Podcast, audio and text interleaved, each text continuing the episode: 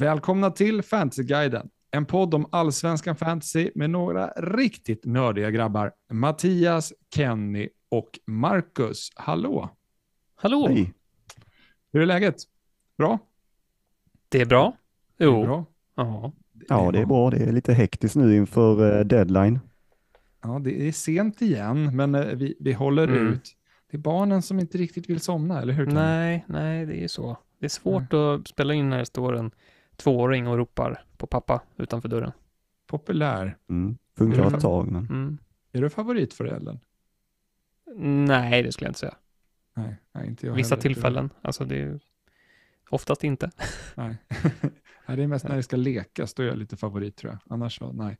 Men vi ska inte snacka föräldraskap, det får ni göra en annan podd. Nu ska vi snacka fantasy och vi är inne i poddavsnitt 84 om jag inte har fel. Och vi ska börja och pr- prata om nyförvärven som har kommit in. Det var ju deadline day igår och det har kommit in ett par stycken. Och vi ska prata lite om deras påverkan. Och vi hoppar in i det direkt. Dennis Ymmet till Kalmar, 6,0 anfallare. Vad har ni att säga?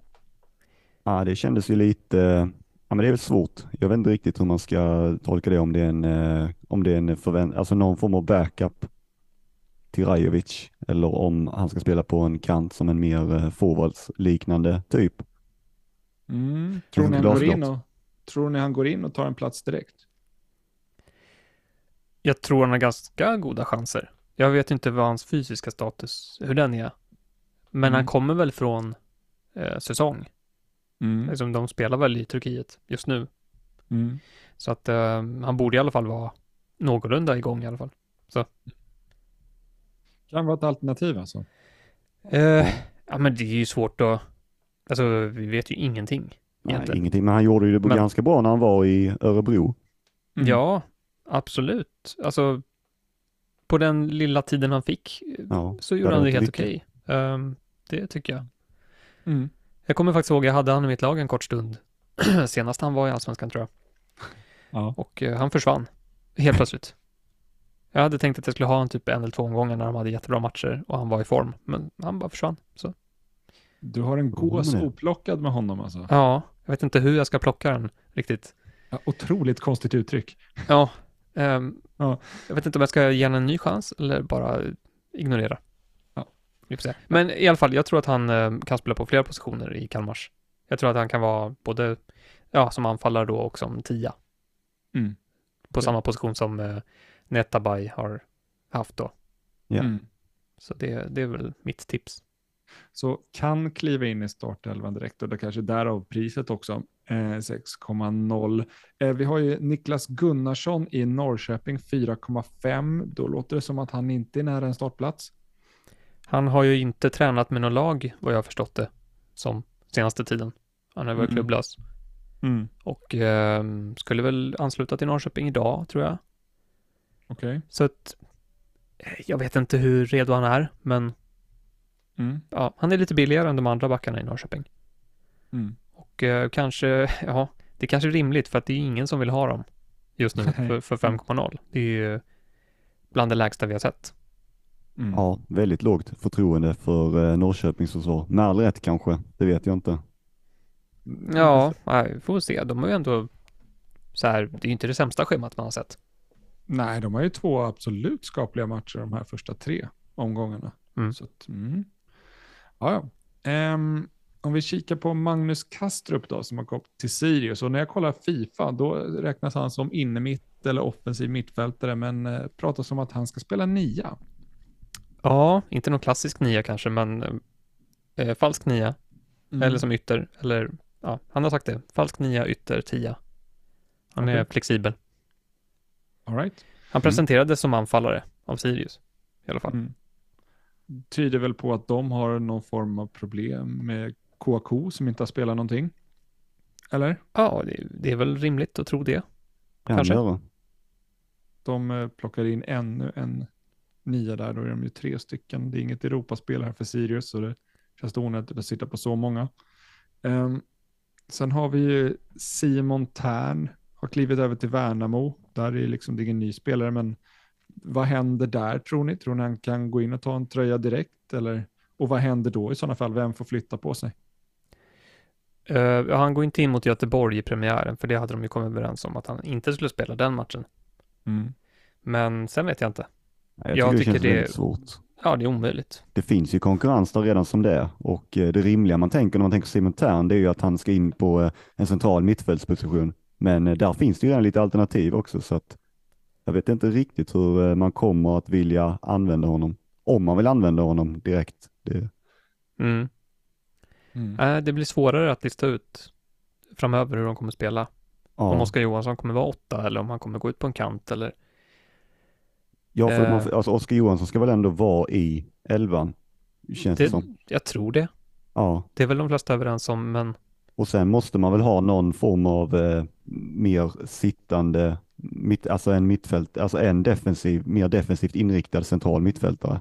ja, och där Mm. finns det ju att välja på. Wendersson, Kendall, Näsström. Precis.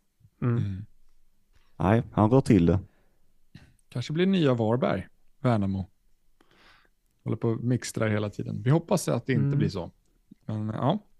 Eh, sen har vi en spelare, Afrdn, en otroligt många konsonanter i förnamnet. Afrdn Asker eh, ska ju plockas in från Kina till Mjällby, forward vad jag läst mig till. Eh, är inte klar. Nej. Är han inte? Anfallare? Då Ja, alltså jag- vänster. Han kommer Yt- som ytter va? Ja, ytter och han kunde spela på båda kanterna tror jag. Då har eh, jag läst mig till fel helt enkelt. Okej, så han är wing alltså. Spännande. Eh, Mm. Men han är inte klar på ett tag, eller? Nej, inga, ingen läkarundersökning är gjord och han har inte fått sitt eh, arbetstillstånd eller vad det nu är. Okej. Eh, Så att det dröjer nog. Bra att ni har bättre koll där än mig. Jag måste kolla mina källor lite bättre. Nu Eh, ska vi gå till en annan del. Där jag la ut på Twitter här och frågade lite vad ni, kära lyssnare, vill eh, höra oss prata om i det här avsnittet. Och då fanns det lite olika kategorier då, om vi skulle prata lite truppstruktur och lagdelar, strategiska tips och fällor, eller om vi skulle då visa upp våra lag. Eh, och populärast blev såklart att visa upp våra lag, men Eh, vi kommer ta upp de här andra lite mer truppstruktur och strategiska tips och fällor, men bara få frågor kring dem och sen kommer vi också prata om våra lag. Så att allt kommer med, fast lite mindre av det ni vill ha mer av och mer av det som ni vill ha mycket av. Helt enkelt. Så vi börjar lite med truppstruktur och bara lite frågor som man får tänka på och som vi har sett i communityn. Vilken position vaskar man helst i? Alltså och hur många spelare kan man tänkas vaska?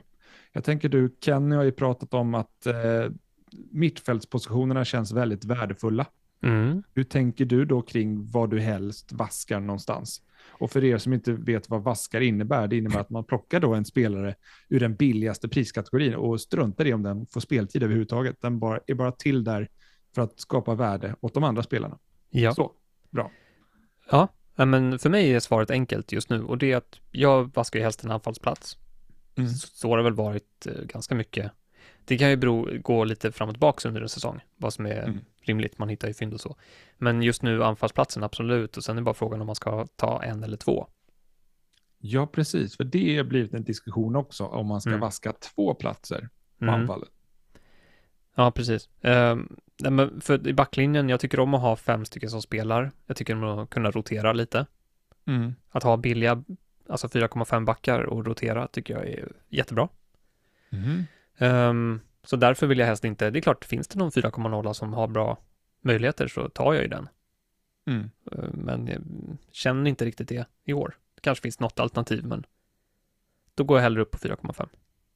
Ja, det blir ju påtagligt också när man vaskar, om man säger så, i anfallet därför att eh, man sparar ju in mycket mer på varje vask. Det blir mycket vask, men eh, för att i, i försvaret så kan du ändå, går du upp 0,5 så har du ändå några att välja på som faktiskt spelar. Men i anfallet så behöver du gå upp kanske till 5,5, 6 miljoner till och med om du vill Mm. ha garanti, garanti på att eh, dina spelare startar och eh, då blir det väldigt Ja. mycket pengar plötsligt. Ja, och de är ju inte ens särskilt bra. Eller så här, det är inte så att man verkligen vill ha dem. Känner jag i alla fall. De som kostar 5,5 eller 6. Mm. Knappt alltså 6,5. Då är det så här, det börjar närma sig, men det är inte någonting jag verkligen går igång på. Mm. Men är det då, många verkar ju luta sig åt att just eh, slänga bort de platserna då, då på anfallare, att man tar 4,5 där, som man vet kommer inkassera noll poäng. Men hur är det då, liksom, för man kan ju faktiskt lägga 4,5 på mittfältare som kommer spela och kanske inkassera 3-4 poäng varje omgång. Eh, Leroy, Gustafsson, Svedberg till exempel. Ja, Om man då väljer att ha två sådana spelare, då har du ju en helt annan garanti då. Är ni med? Menar du att man ska ha två av de billigaste på mittfältet? Eller? Ja, men om man skulle vilja ha det, är det jättedumt? Nej, alltså det är vad man föredrar och vart man tycker att det finns mest värde. Jag uppskattar de spelarna för det de gör. Mm. Att de plockar sina 3-4 poäng. Mm. Det är ju inte så dumt, men man tappar ju en position på mittfältet då där det finns en hög höjd. Mm. För det Ja. finns ju så många med hög höjd. Jag tycker Mm. att det blir för mycket riskminimering i det hela. Eh, Tycker jag i alla fall. Det beror helt och hållet på hur man vill spela spelet. Är man, en, alltså är man lite mer nojig kring eh, vad som eh, händer kring en spelare, om de blir skadade och så vidare och känner att man väldigt gärna vill täcka upp för alla möjliga situationer för att begränsa skadan så att säga, så kan det säkert vara ett alternativ. Men då tycker jag att man, alltså i mitt lag i alla fall, så begränsar jag slagstyrkan för mycket i laget. Mm. Okej. Om, eh, eftersom att jag, det finns så många mittfältare som man vill ha. Mm. Ja, men det är ändå blivit, det är ganska många lag som jag sett läggs upp då, där de, man har bi, alltså möjligast billiga bänk. Och, och då är det ju ofta att de har en, kanske en mittfältare för 4,5 och då är det ändå ett litet skydd ifall någon av startspelarna är borta, för då kan det komma in 3-4 poäng istället för noll och det är ändå ganska väsentligt. Ja, då gör det en skillnad. Mm. Eh, så det var lite det jag tänkte kring det. Jag kan gå vidare till nästa fråga om vi inte har något, vill fördjupa oss i den frågan än mer. Eh, hur mycket pengar kan man lägga på målvakter nu i och med de nya reglerna? För att vi har ju sett att premiemålvakter har blivit mer populära och Mm. att snittkostnaden då kommer öka för egentligen den generella liksom, fantasy-managern på målvakter. Och liksom hur dyra får målvakterna vara om man då ska rotera dem? För att går det på en, låt oss säga en premiemålvakt, Zetterström, så om du vill säkra så går ju på en 4,5 målvakt som du vet startar och då har du 10,5 där. Så då kan du ju lägga lika mycket på en 5,5 och en 5,0 målvakt om du vill och rotera. Är det dumt eller hur känner ni? Ehm, nej, dumt är det väl inte. Jag vet inte, alltså jag, jag har testat alla möjliga varianter. Bytt in och ut och fram och tillbaka. Och ehm, jag tycker inte det finns någonting som är orimligt i det här läget. Nej. Och det är det, det, är det jag tycker är så kul. Ja, Det, det har liksom öppnat upp för många alternativ ja, återigen, det är ju så här att man kan ju lägga sig på en, eh, ta in en lite dyrare målvakt och sen så in med en 4,5 om man vill eh, känna sig säker där också. Sen så finns det andra och däribland jag kanske som är mer villig att eh, så kan jag då gambla lite. Att eh, ta en dyr målvakt men också en eh, vask på den positionen som vi pratade om i första punkten. Mm. Ja. ja, man får göra lite som man vill där. Um om vi går in på lite strategiska tips och fällor då. Eh, jag har ju sett en del lag och sen så har man skrivit att man planerar transfer redan i omgång två. Eh, hur känner ni inför sånt? Att man liksom planerar transfers kanske, liksom, kanske direkt efter första omgången? Eller att man planerar liksom upp alla sina transfers framöver?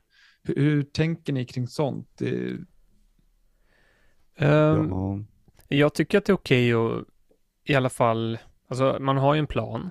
Man kan ha Mm. byten som man tänker att det här vill jag göra. mm. Men däremot så har jag svårt för saker som man känner att det här måste jag göra i den omgången. Mm. Ehm, det ska vara liksom ett alternativ, ett lite öppet alternativ att om allting stämmer så vill jag göra det här, men funkar inte det, då ska ändå laget ha starkt nog för att hantera det. Mm.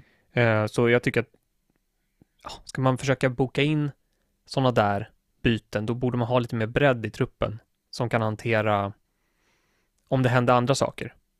Mm. Förstår du vad jag menar? Så att Så man fortfarande kan göra det bytet som man vill göra, eh, men att bänken täcker upp för andra saker som kan hända. Spelare som eventuellt är borta av någon anledning. Mm. Ja, Mm. och eh, jag tycker också att det farliga i det där med att boka upp byten, alltså när man är så här tidigt på säsongen, jag tycker att det är lättare att göra det lite längre in, om man till exempel sitter med ett frikort i omgång 8 eller 9, eh, och, eller så här till och med efter omgång 15, 16 där omkring, att då är det lite lättare att planera längre fram. Men i början så är det så mycket som är ovisst egentligen, att eh, vi vet inte riktigt hur det kommer gå, vi vet inte riktigt vilka spelare som kommer att leverera. Vi vet inte riktigt vilka nya fynd det kommer att dyka upp. Vi vet inte riktigt vilka som kommer att eh, kännas som att de här måste man ha. Mm. Och eh, därav så kan det väldigt snabbt förändras det, det man planerar i början. Så att jag är till och med så här, jag tänker inte bara heller på byten utan överlag. Jag, jag ser att väldigt många börjar fundera till exempel kring vilken taktik man ska ha inför eh, chipstrategier och, sånt, och sånt. Att eh, Mm. överlag, det är väldigt svårt att planera framåt. Man kan ju alltid ha en plan, men eh, om man låser upp sig själv med att så här ska jag göra, sen ska jag göra så och så, då eh, Mm.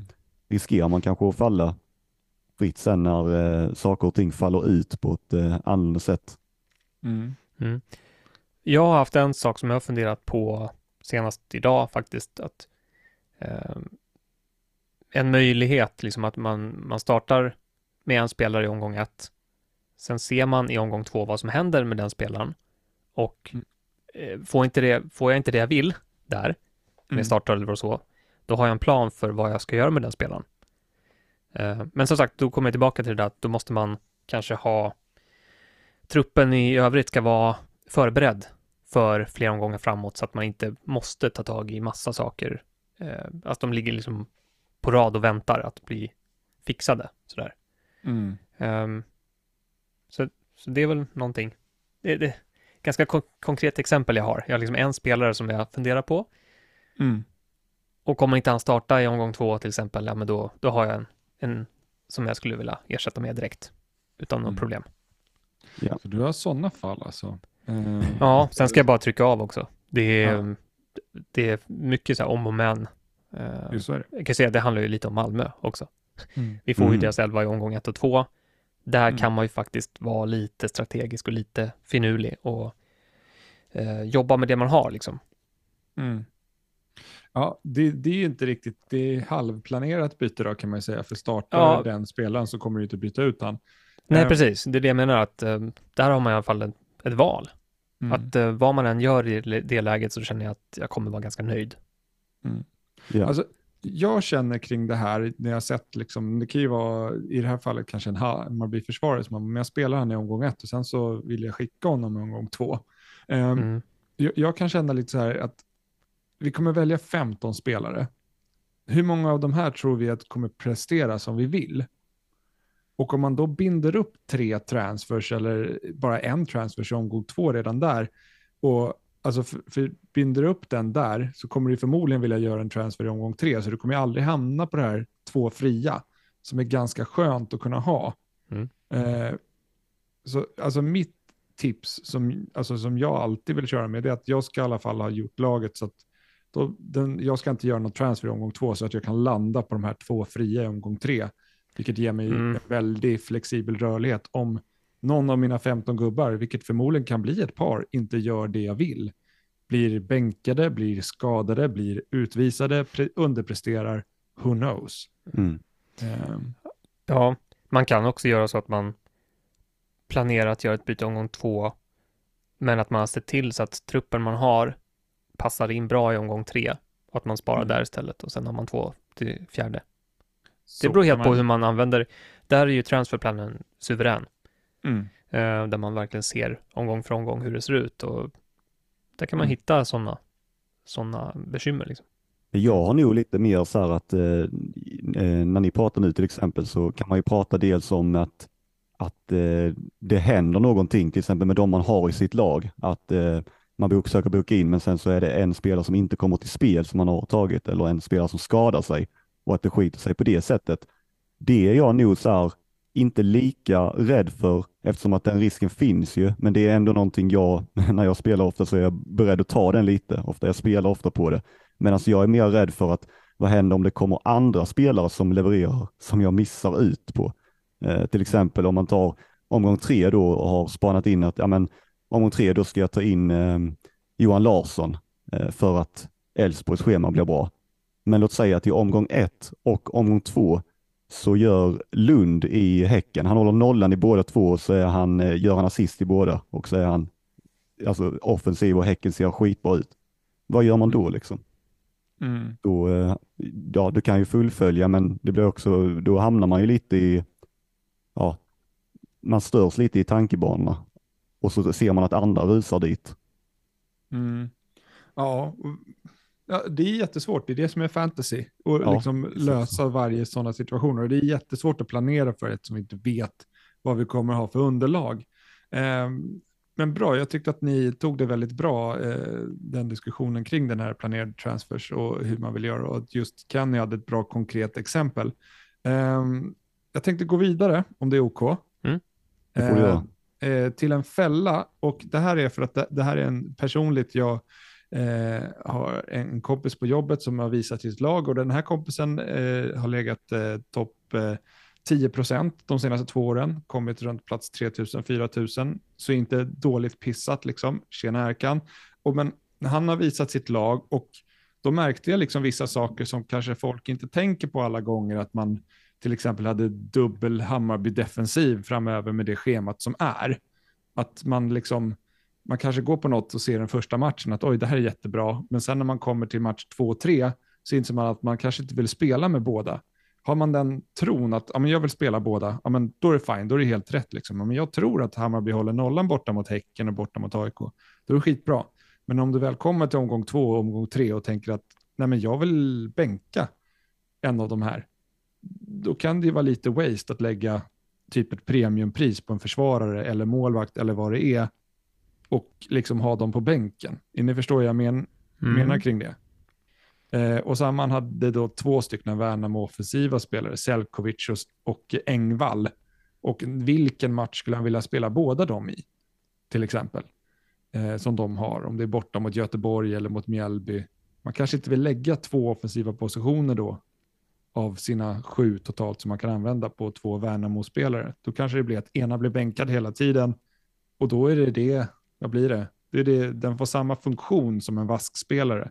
Är 4,5 men kostar 6,5 så det är 2 miljoner i sjön. Eh, så det vill jag bara ta upp och nämna där ute och att folk tänker på liksom framöver när man vill spela vissa spelare om man nu har dubblat upp sig i vissa lag. Och där får man väl också tänka lite på varför man väljer vissa spelare, som att eh, man kanske har dubblat upp sig i eh, Häcken till exempel, men man har tagit en spelare för att man anser att eh, den är en stabil bonusplockare och har mm, fasta mm. situationer till exempel. Och sen så har du en annan Häcken-offensiv för att du anser att den här spelaren har inte lika, tar inte lika mycket bonuspoäng men eh, har en hög höjd och kan smälla dit två kassar.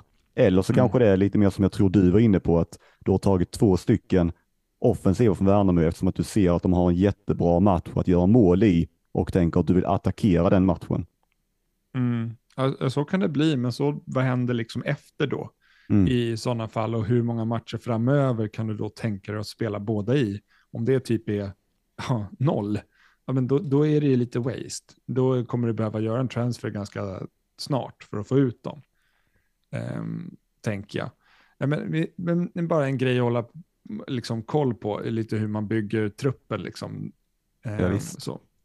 Eh, och på tal om det då, en fråga också där kring strategi då. Hur många matcher framåt tycker ni att man ska planera? Det tycker jag är svårt att säga generellt sådär. Mm. Det är väldigt mycket från fall till fall. Nu har vi ju ett läge här där vi, där vi vet att vi har en dubbelomgång i omgång, ja, som är liksom ganska, äh, i och för sig, det hinner nästan gå en tredjedel av säsongen innan dess. Mm. Uh, men eh, jag tror många planerar till exempel ett frikort mm. inom sju, åtta omgångar. Mm. Då tycker jag att man i alla fall kan planera eh, nästan hela vägen dit. Mm.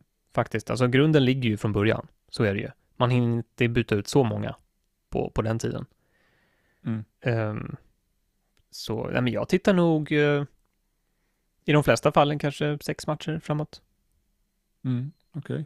Hur långt kollar du, Marcus? Eh, jag kollar nog lite kortare framåt, eh, Mm. men jag, jag ska säga också att jag är generellt, det är lite min svaghet faktiskt att titta långt fram och planera. Det, det är lite där jag ofta brister ibland, kan kännas Mm. som. Eh, Mm. Men, det, men det är väl också, och sen tycker jag väl också att i början nu att jag, jag vill väl försöka titta längre fram och jag tycker väl att jag delvis har gjort det i mitt lag som vi kommer eh, lite senare till, där jag också försökt välja bra spelare eh, som jag tror kommer att vara bra på sikt också, som jag inte kommer vilja byta ut i första taget. Men eh, Mm. jag tycker annars att det är svårt just för att eh, det kan hända så mycket grejer på vägen. Mm. Men du säger att det är en, en brist som du har. Det behöver Mm. inte vara en brist. Alltså, Nej, det, det måste finnas en, en balans och man måste kunna göra båda sakerna. Tänka långsiktigt och vara bra på det kortsiktiga. Ja. Och eh, ja, jag vet inte. Jag kanske är lite mer extrem åt andra hållet. Att jag går miste om de kortsiktiga eh, förtjänsterna eller det man kan tjäna där och kanske tjäna mer framåt då. då. Men eh, tänker man för långt så kan det ju hända saker. Eh, spelar man tar in om man tänker att man ska ha honom i många, många omgångar så han kanske inte ens spelar de tre sista för att han har blivit skadad eller någonting. Mm. Så det är klart att eh, det måste man ju tänka på. Ja, det, man måste väl ha någon form av balans i det. Mm. Jag, jag känner att tre, fyra omgångar nu tycker jag är ganska rimligt att liksom planera för. För att sen när du väl sitter på två fria och det kanske spelas två, tre omgångar, då, då kommer underlaget vara så reviderat. Så det är så svårt att planera därefter. Jag drog frikort i omgång fyra förra gången. Det var inte planerat. Nej. Så att liksom, Nej, nej. Och det är det jag menar. Så det, man kanske Det, inte. Mm. precis, det var ju ett bra exempel. Alltså förra året så var- det ju mycket att eh, man kollade liksom mot, eh, ihåg Selmani var ju en sån som alla satt på i början och man skulle binda. Och Mm. eh, många hade Djurgårdsförsvarare och eh, Mm. ingen, ja inte många i alla fall, inte jag hade en aning om att Häcken skulle flyga på det sättet man gjorde. Men Nej. så inträffar de grejerna och då måste man eh, vara snabb och kunna agera på dem. Och sen är ju nästa svår del i det också, inte bara när det inträffar, det är också förstå eller veta om det är någonting som kommer hålla i sig Mm. eller vad man ska göra med den och att det, det tar ju ett tag ibland också att förstå, förstå det som förra året. Det var inte direkt att man hoppade på Jeremejeff efter två omgångar. Utan det, Ah, men fyra eller fem va, Kenny? Ja. Ja, jag kommer inte ihåg exakt, men tidigt var det ju. Mm. Det var tidigt där. Ja, men det var väl frikortet omgång fem tror jag. Mm. Då, då alla svängde liksom och hoppade. Det var ju busstanke där i Mm. omgång sex eller vad. Ja, skit, skitsamma. Ja, Eh, men- Men, eh, tre, fyra tycker jag känns väldigt bra här i början. Ja. Tills man har två fria. För där vet man Jo, inte men- riktigt vad man kommer vilja göra. men okej. Ehm, där tänker jag lite annorlunda. Eller jag vet inte. Du säger tre, fyra, men det är ju liksom, du har ju typ, då har du ju bara två byten. Eller max Ja. tre som du kommer kunna använda där. Resten av Ja. truppen då? Den måste ju vara planerad för längre sikt. Okej, ja, jag kanske är lite otydlig. Jag har Mm. planerat ganska många spelare, kanske liksom ja, men, sju, åtta som jag vet Mm. att jag vill, tror jag, kommer vilja Mm. hålla hela vägen. Ja, precis. Det måste ju vara grunden. Ja, precis, men jag har ju liksom inte Ja. planerat några byten eller transfers egentligen överhuvudtaget. Eh, Nej. För Nej, det, nej. Jag, vet, jag vet inte vad som händer i Nej, här alltså- i omgång 3-4. Så Ja, att- men det håller jag med om. Alltså så har inte jag heller gjort. Jag har inte planerat i detalj efter typ omgång tre eller fyra. Mm. Mm. Men då gäller det liksom att man har en stomme som man är nöjd med. mm. Som kanske inte nödvändigtvis behöver vara schemabaserad. Det måste inte vara bra scheman från nu till omgång sju liksom. Utan då handlar det snarare om spelare som man vet att man trivs med och som man litar på. Sådana Mm. som inte riskerar att tappa sin plats eller som, ja, sådana som får liksom lite för få minuter så att man inte är nöjd och man sitter där och bara, fan, det här funkar ju inte. Då sitter man kanske med väldigt många saker att göra helt plötsligt. Mm. Så att eh, det, man måste ha en stor del av laget måste vara ett långsiktigt, eh, alltså planerande. Det måste vara funka över tid och sen kan man ha några enstaka spelare som man känner är mer rörliga, där man kan reagera och agera på saker som händer och vara beredd på att byta ut dem. Mm. Nej, för det blir jag tycker att jag ser mig en liten swing i omgång fyra. för en del lag. Mm. Eh, så det är det liksom, för då kanske man vill sitta på andra. Då kommer, nu vill man inte sitta på så mycket Kalmar-spelare kanske, men det vill man från omgång fyra. Eh, men man kommer inte veta vilken man vill ha och så vidare. Eh, men absolut att man har en stomme, men man kanske vill ha en tyngre stomme från något annat lag senare. Eh, men jag Mm. vill inte binda upp mig där än på vad det ska vara. Nej. Nej. Nej, men det ser jag ingen anledning att man ska behöva göra egentligen. Eh, nej, men just jag tänker med det här planerade byt eller transfers, att man har liksom, om jag har planerat en transfer i omgång sex, Mm. jag, Nej, men det, ja. jag har ganska stor risk att den blir reviderad. Eh, liksom. Ja. Ja, men det kan jag säga på en gång. Det har jag inte gjort. Jag har inte suttit och fyllt i planen med byten i omgång fyra, fem Fram till eller omgång sex. 30, det är Nej, hela, nej, nej, nej. pusslet Nej. är lagt. Nej, man har en, en idé i huvudet om hur det skulle kunna bli. Eller man Mm. har flera olika alternativ. Mm. Och sen får man se, passar något utav det in? Ja, bra, då kör man på det. Mm. Eh, och för varje omgång så får man tänka till extra noga. Hur har läget förändrats? Vad är mina behov? Ja, men Mm. det låter bra. Ehm, en sista grej bara med strategiska tips och fällor som jag skulle vilja ta. En notis, och det, det, här, det här säger jag faktiskt rakt vad jag tycker. Det är vissa som, eller jag har sett eh, tidigare år och så vidare, som använder chip i typ omgång ett, två eller tre så tidigt. Jag tycker att det är alldeles för tidigt oavsett vilket chip det är. Om det är något parkera buss, lånelag eller whatever, utifrån det Marcus sa tidigare, det är tidigt på säsong, vi vet inte så mycket. Och frikort, ska du dra chippen så tidigt, mm, då har man inte riktigt, eh, man kan hamna snett på det, men omgång två är alldeles för tidigt för att dra ett frikort. Då har man liksom inte gett sitt lag en chans ordentligt tycker jag. Nej, det, är- det, alltså generellt sett så håller jag med dig. Sen så finns det en liten, om man ska vända på det lite, lite till någon som är sugen på att göra det, så är det ju så också att vi, man vet inte, men det är också så att ingen annan vet ju heller.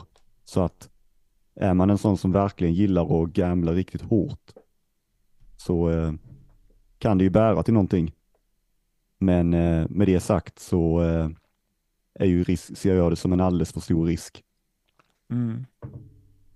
Nej, men, låt, låt oss säga att du spelar bussen i omgång ett eller två och får världens superträff. Mm. Du får jättebra träff. Och sen så är det 10 poäng under average eh, omgången efter. Då har du tappat allt. Då är liksom, det är bortkastat typ. Alltså, förstår du? Du, du kommer tappa så många positioner. Så att, det, det, det är det som liksom skulle kännas jobbigt från mig. Ja, det förstår jag. Här, men eller så kan du, kan du vända på det, att du får den träffen och sen så får du inte under average omgången efter. Att det, men men eh, ja, generellt sett så eh, håller jag ju med dig att risken, att risken är större än vad uppsidan någonsin kan bli. I det. Men Ja. eh, Men för att liksom att ligga, ja men nu är jag 500 i en omgång och sen så är jag eh, 10 000 omgången efter för att det inte gick så bra. Och och då är det så här, jaha, vad var det chippet bra för? Känner man ju då direkt.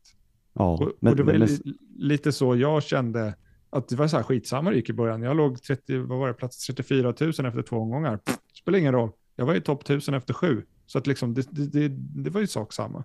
ja, Alltså, och det är det, de betyder lika mycket poäng så, men det är så mycket rörligare i början vad som händer om du gör en dålig eller bra omgång.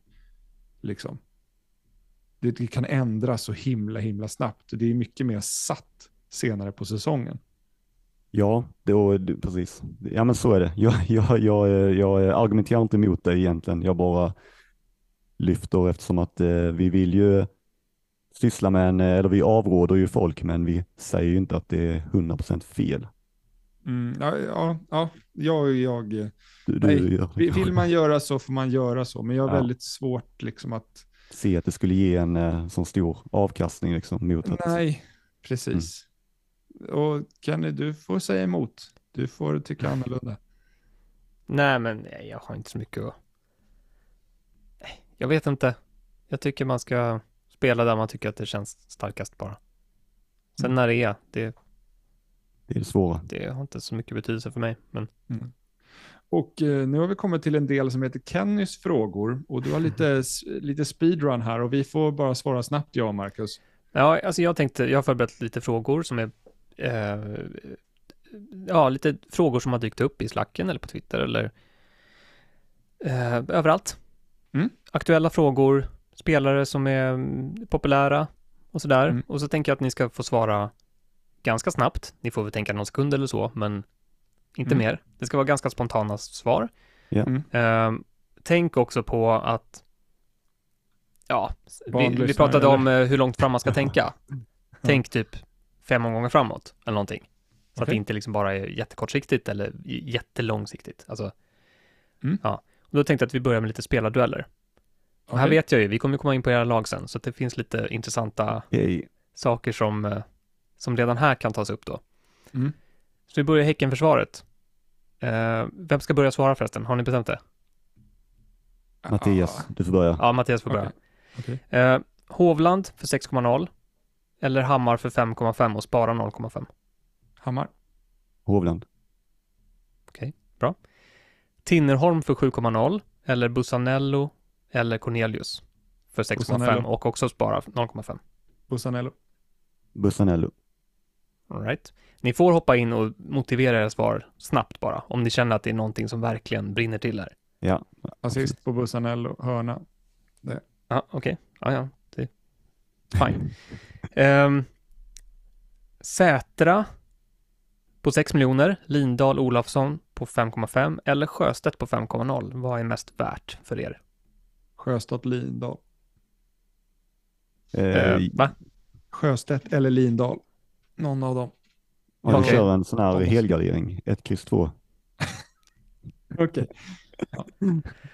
Okej, mycket hjälp. Nej, men eh, Ja, Ja, jag ja, svar- okej. ja, det går bra. Det går bra. Ja, Det- det var en svår jag fråga svarar- Ja, Mm. jag svarar Lindahl. Okej. Mm. Piotr Johansson eller Elias Andersson? Elias Andersson. Ja, Elias Andersson också. Högre höjd tycker jag. Mm, högre höjd, mer risk. Mm. Ja. Det är så jag gillar att spela. Okej, det är fine. Bra. Ja. Simon Gustafsson eller Gustav Wikhem? Samma pris. 8,5. Får bara välja en. Eh, Simon Gustafsson för min del. Simon Gustafsson. Jag också. Okej. Samuel Gustafsson eller Sergio Peña? Samma pris, 6,5. Samuel Gustafsson. Sergio Peña. Ja, den visste jag ju. Den var Ja. ju given. Tesfalde Tecki eller Simon Skrabb? Båda kostar 7. Skrabb. Techie, men på mer spekulation. Mm. Ja, intressant. Eh, den här då, en liten kombination som jag tycker är väldigt intressant, som jag har kikat på mycket. Johan Larsson och eh, Widell Zetterström eller Valdimarsson och Elias Andersson plus en och en halv miljon som man sparar på det att ha det sista alternativet. Det här är då alltså Djurgårds defensiv och Elfsborgs defensiv i olika kombinationer. Jag eh, säger eh, det förstnämnda, Johan Larsson och eh, Widell Zetterström. Premiumalternativen alltså. Ja, Jag också. Trots att man kan spara 1,5. Osäker få- på start på eventuellt på båda. Alltså Valdemarsson Ja, är etta nu, men gör han en skitmatch mot Häcken kanske i Rönning Okej. nästa match. Och Bra, fine. Det är, det är rimligt. Mm. Ehm, den här då, 5,5-kategorin har jag kikat lite på. mm. mm. Då ska vi jämföra fyra spelare. Samuel Lichholm, Amir Alamari, Bilal Hussein eller Hugo Larsson. Välj en. Bilal Hussein. oj, ja, den här var eh, jobbig att ta. Men eh, jag säger väl eh, Leach Holm då då. Den enda spelaren av dem som har alla fasta situationer i sitt lag. Mm. Mm. Inte orolig för att han spelar i ett dåligt lag? Jo, Eller skitorolig. dåligt. jag ska inte säga dåligt, vi vet inte än. Ja, jo, jätteorolig för det. Så att, ehm, Mm. Men eh, det brukar ibland också i de där dåliga lagen så brukar det kunna gå fram eh, en, två som ändå kan göra någonting framåt. All right. Eh, en sista här med spelare eh, som är specifik. Eh, bästa försvararen för 5,0 som inte spelar i Mjällby. Den tror jag Hussein. många sitter och funderar på. Bussa in. Sain. Okej, jag kan bolla upp alternativ. Mm. Sjöstedt, Mathisen, Widgren, Baffo. Är det fortfarande Botain? Sjöstedt för är bra del. också. Tycker jag. Bosain eller Sjöstedt, okej? Mm. Ja, det är det ni har sagt. Ja, Ja, Bossa in det schemat där. Ja, ja, men ja, Bosse som bäst. Mm. Okej, okay, bra. Eh, sen går vi över till lite mer strategiska frågor. Då, där får ni passa om ni vill, om ni inte vill avslöja. Mm. Mm. Ja. Frikort innan eller efter dubbelomgången? Innan. Innan. Bussen, två kaptener eller lånelaget i omgång nio? Bussen. Bussen för mig också. Okej. Okay. Ha Elfsborgsspelare från omgång ett eller vänta till senare? Både och. Eh, från omgång ett. Okej, okay, bra. Ha en spelande backup till en premiummålvakt? Ja eller nej? Ja. Nej. Interesting. Eh, den här har vi varit inne på. Vaska en, två eller inga bänkplatser. Med allt vad det innebär då. En har jag. Två. Mm. Ja, det är rimligt, rimligt båda två. Jag köper det. En eller två från Häckens offensiv? En. Två. Många olika svar, det är kul. Ja. Det, frågorna är lite så. För att Mm. visa att det finns liksom ja Många olika sätt att göra det jag på. och Mattias går isär på. Mm. den här då. Välj bort ett av dessa försvar. Och då har jag Mm. valt Djurgården, Malmö, AIK. Tänk ungefär fem sex omgångar framåt. Jag väljer bort AIK. Mm. Trots att det innebär i de flesta fallen då att man inte tar Modesto. Ja, Malmö. Väljer jag bort. Ja, jag, jag är beredd att gå utan Modesto i så fall. Så Djurgården är er favorit av de här? Tillsammans Ja, då? jag, skulle, jag, jag rangordnar Malmö först, Djurgården tvåa. Okej. Mm. Ja. Mm, ja. All right. ehm, vilken lagdel i Mjällby sitter du helst utan? Tänk då att målvakt och försvar kan vi Mittfält. kan vara samma. Mittfält sa du? Eh, jag är inne på samma. Okej. Lillbagan. Fine. No. Nej tack. Här då? Bästa 4,5 målvakten att ha tillsammans med en premium målvakt? Mm, beror helt på schema, men Rosbach skulle jag säga annars. Ja, det är samma skit säger jag. Ja, vi, de vi har att välja på är Rosbach, Fredrik Andersson, Vaitsiakovic eller eh, Oskar Linnér. Mm. I första hand.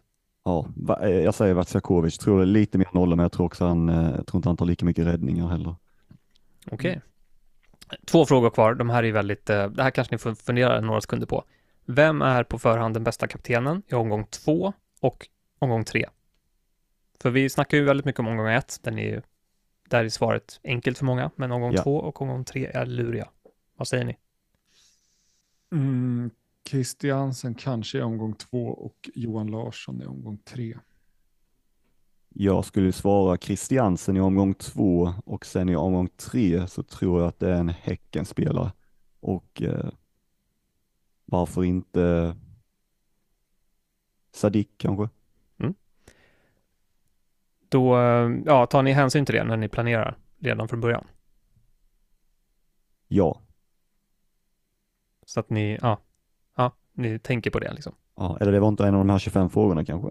Nej, det var en följdfråga bara. Ja. ja, jo men jag, jag tar hänsyn till det. Jag försöker titta lite längre än bara först också och se vad, jag, vad som händer där. Ja, bra. Ehm, det var de frågorna jag hade Mm. som var, och jag, jag tänkte det var väldigt många som ni svarade olika på. Hur många rätt fick vi nu då? Ja, ni fick eh, inget rätt tyvärr. Nej, Nej. men det, Nej. inte vet jag. Ehm, jag vet inte ens hur många det var ni svarade lika på. Mm. Det kan ha varit Väldigt fler få. olika faktiskt än, än lika. Ja, ja, absolut, det tror jag. Mm. Ehm, så att, eh, ja, men jag tycker det, många av de här frågorna har bollats runt på många olika ställen och eh, ja, kul att höra er take på det. Även om det är ganska korta svar, men så här spontant Mm. bara vad man, man men jag tycker det är kul, kul också framförallt att, och det kanske vi kommer in, förmodligen kommer vi in på det också när vi pratar lite om våra lag, men att eh, det är ju Mm. dels vad vi tror på, men sen är det ju grundar det sig säkert också mycket om som jag och Mattias pratade lite innan inspelningen om att vi, eh, vi spelar ju lite olika också, har Mm. kanske lite olika mål i spelet och sånt och sånt Mm. påverkar också vilka spelare man vill ha. Ja. Jag tror nä, nästan alla de här frågorna kommer liksom vara, vi kommer knyta ihop det när vi pratar om era lag. Mm. De, de har liksom relevans för nästan alla där ute. Mm. Och eh, när eh, då Kenny i det här fallet tweetar ut eh, avsnittet när vi har släppt det så kommer bilder på våra lag komma ut, både alltså lagbilden och transferplanen tre omgångar framåt. Mm. Eh, hur vi har tänkt. Eh, ska vi kliva in på dem eller? Vem ja, ska börja? Det, ja, det är dags. Uh, ni har ju ja, varit villiga att dela mm. mer av era tankar. Mm. Du, du, är lite mer mystisk, men uh, jag har mitt bygge här. Och ska jag börja eller vill du Marcus? Uh, nej, men vi kan börja med ditt lag. Läser du upp spelarna du har också eller? Ja, jag läser upp dem och varför jag har tagit dem. Jag börjar mm. med målvakt och där har jag valt eh, Zetterström. Eh, just för att han är 0,5 billigare än alla försvarsalternativ. Så i Djurgården, så då kommer han vara prisvärd på det sättet tror jag också. Att han får mer poäng för nolla och bla bla bla bla bla. Eh, och jag har Linnér som backup keeper för att han roterar bra med Zetterström när han har lite sämre matcher borta mot Häcken till exempel. Eh, så de, det är min målvaktsduo. Jag ställer upp med en 4-3-3 i första omgången. Det sticker nog ut ganska mycket, många som vill satsa mycket på mittfältet. Eh, men backlinjen har jag Modesto, som så många andra. Eh, Mjällbyförsvararen jag gått på är Rösler, eh, just för att spara pengar där. Eh, sen har jag Busanello i Malmö och Johan Larsson har jag, för han vill jag byta in med det schemat som de har sen. Så då tycker jag det är onödigt att lägga en transfer mm. då. Därför har jag från start och han får spela mot Häcken. Eh, och är det så att han släpper in mål så finns det alltid andra vägar till poäng för han. Eh, jag har också Sjöstedt i mitt försvar, men han sitter ju längst ut på kvist eftersom de möter Malmö borta. Eh, mitt mittfält består av Besara, kapten, eh, Sadik, eh, egentligen bara defensivt alternativ, eh, eller defensivt spelat eh, av mig. Jag väljer han av defensiva skäl. Jag kommer liksom inte attackera för att jag tror att eh, han är den eh, spelaren som gör att jag kommer rycka ifrån i poäng från andra, utan det är tvärtom, utan att, att de inte ska rycka ifrån mig. Det är därför jag har han. Eh, och sen så har jag Wickheim på mittfältet också eh, i start. Två mittfältare på sidan och det är Svedberg, en 4,5 som eh, får ta lite fasta och lär kunna plocka en del defensiva bonus eh, som är ja, lite vask då. Och sen har jag Campos eh, som jag kommer börja spela i omgång två då. Eh, och det är ju när du visade den här XGI-tabellen Marcus, så låg ju han på liknande höjd som eh, Christiansen och Rygaard och kompani. Så då tyckte jag att det var ganska obvious att, att, ta honom.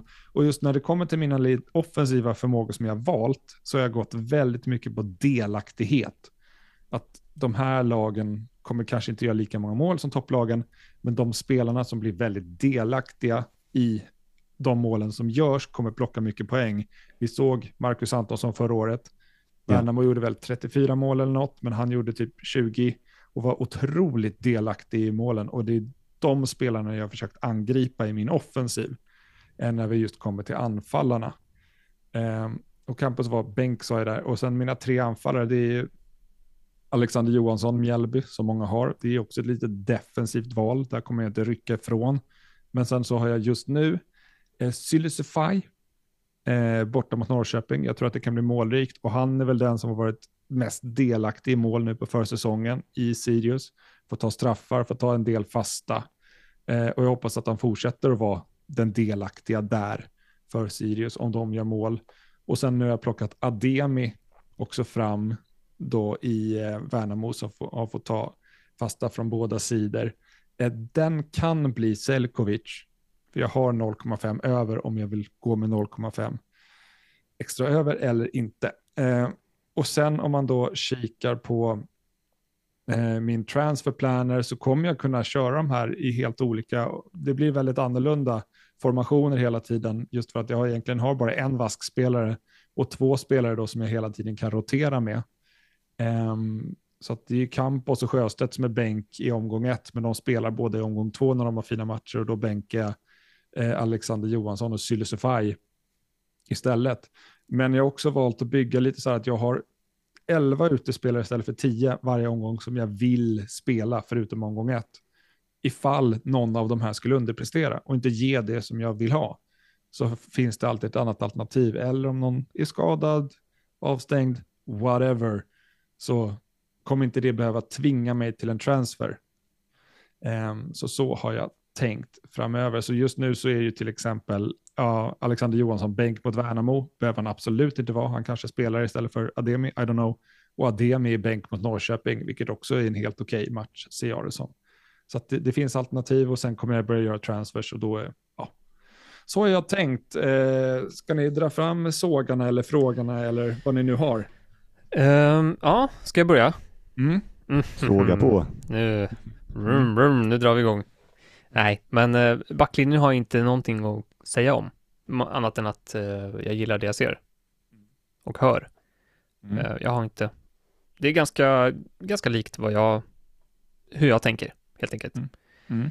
Eh, däremot känner jag väl de här lite marginalspelarna som, som du har valt. Um, anfallarna till exempel. Sulisfaj, Ademi. Mm. Eh, även Campos. Svedberg, Wikheim. Alltså de som inte är, de är inte självklara liksom, på ett sätt. Mm. Uh, men de är ändå, de har ju potential, givetvis. Mm. Um, hur säker är du på att du kommer veta vad du ska göra med de spelarna varje vecka? Alltså, i min värld så är det spelare som inte nödvändigtvis startar alla matcher. De kan efter någon lite sämre insats kanske blir bänkade. Mm. Eh, kan bli tidiga byten. Mm. Det finns sådana eh, sådana tveksamheter för mig. Och det är lite, kanske lite för många sådana spelare. Mm. Tänker du Svedberg skulle alltså vara en sån spelare? Han gjorde ju ändå var det, 24 matcher eller någonting i, i Halmstad här alltså, senast förra året. Det vet jag inte. För att jag vet ju inte riktigt hur de jag är inte så insatt i Halmstad mer än att jag har sett några matcher och jag har ju studerat statistik och sådär, men mm. saker, ibland när man går från superettan till allsvenskan, saker kan förändras lite. Mm. De kanske har förstärkt och sådär, det har de inte gjort så mycket. Inte mm. på den positionen, men uh, men okej, okay, strunta i Svedberg, för han är ju framförallt en vask spelare för dig. Mm. Han ska inte spela så ofta, men om vi tar de andra, Wikhem, Sydesfaj, Ademi och Campos i första hand. Mm. Ja, nej men absolut. Och jag är lite med på det. Det är någon av de spelarna som jag planerar i alla fall att börja byta ut i omgång 3-4. Mm. De som jag känner mig lite osäkra på. Mm. Sirius har ju ett skräpschema efter omgång 3. Eh, så där kan jag absolut spela. Sen är det ju, eh, vissa spelare måste man bänka också. Um, ja. ja, men ja, får jag bryta in där? Alltså det är det jag menar är lite svårt att veta så här, vem ska jag starta, vem ska jag bänka, för att man vet inte själv om de kommer starta, eller om mm. de kommer mm. bli bänkade. Så det blir så här mm. dubbla, alltså dubbla svårigheter. Och det är, ja, precis, det är eh. svårt så här över kanske också, och, alltså över en säsong liksom, redan nu så att säga, vem, vem kommer ta mest poäng av Sylisofia, Demi Campos? Mm. Alltså det är inte så lätt liksom, är det, är det främst då schemat som kommer avgöra vilka du spelar eller inte? Mm, ja men så är det. Och är det no att någon av de här börjar bli bänkad, då kommer ju göra transfers ut på dem. Alltså mm. det, det, mm. så kommer det ju vara. Det här är ju liksom en koll att testa ifall någon av de här är någon riktig guldgubbe. Mm. Och att jag verkligen träffar rätt. Att någon faktiskt är den som kommer göra flest returns mm. i lagen. Eh, som ja, Sylisify, Campos och Wikheim har visat att de kanske har potential att vara. Um, och sen har jag en bas på resterande som liksom ska hålla skeppet flytande så att säga på alla fall mm. med åtta gubbar. Mm. Så det är ja, lite planen. Men, ja, jag förstår hur du tänker, men eh, det känns som att det här kommer ta tid för jag kommer på massa saker att säga. Men det är väl mm. bra. Uh, men det betyder ju de här spelarna, Sylsfaj, Ademi, Campos, mm. då är det ju typ först på dem.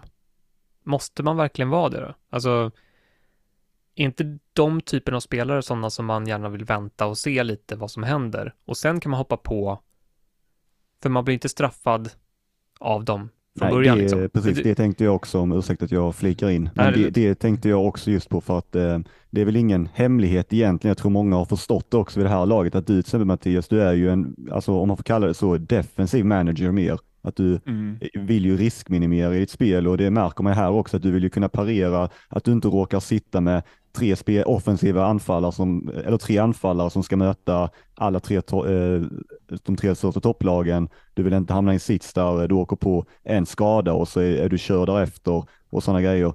Men i det mm. tänket så eh, inne på just det Kenny säger också liksom att eh, Sylisufaya, DM campusen, de kan inte straffa dig på samma sätt som eh, andra spelare kan göra som du inte har tagit in i elvan. Eh, mm.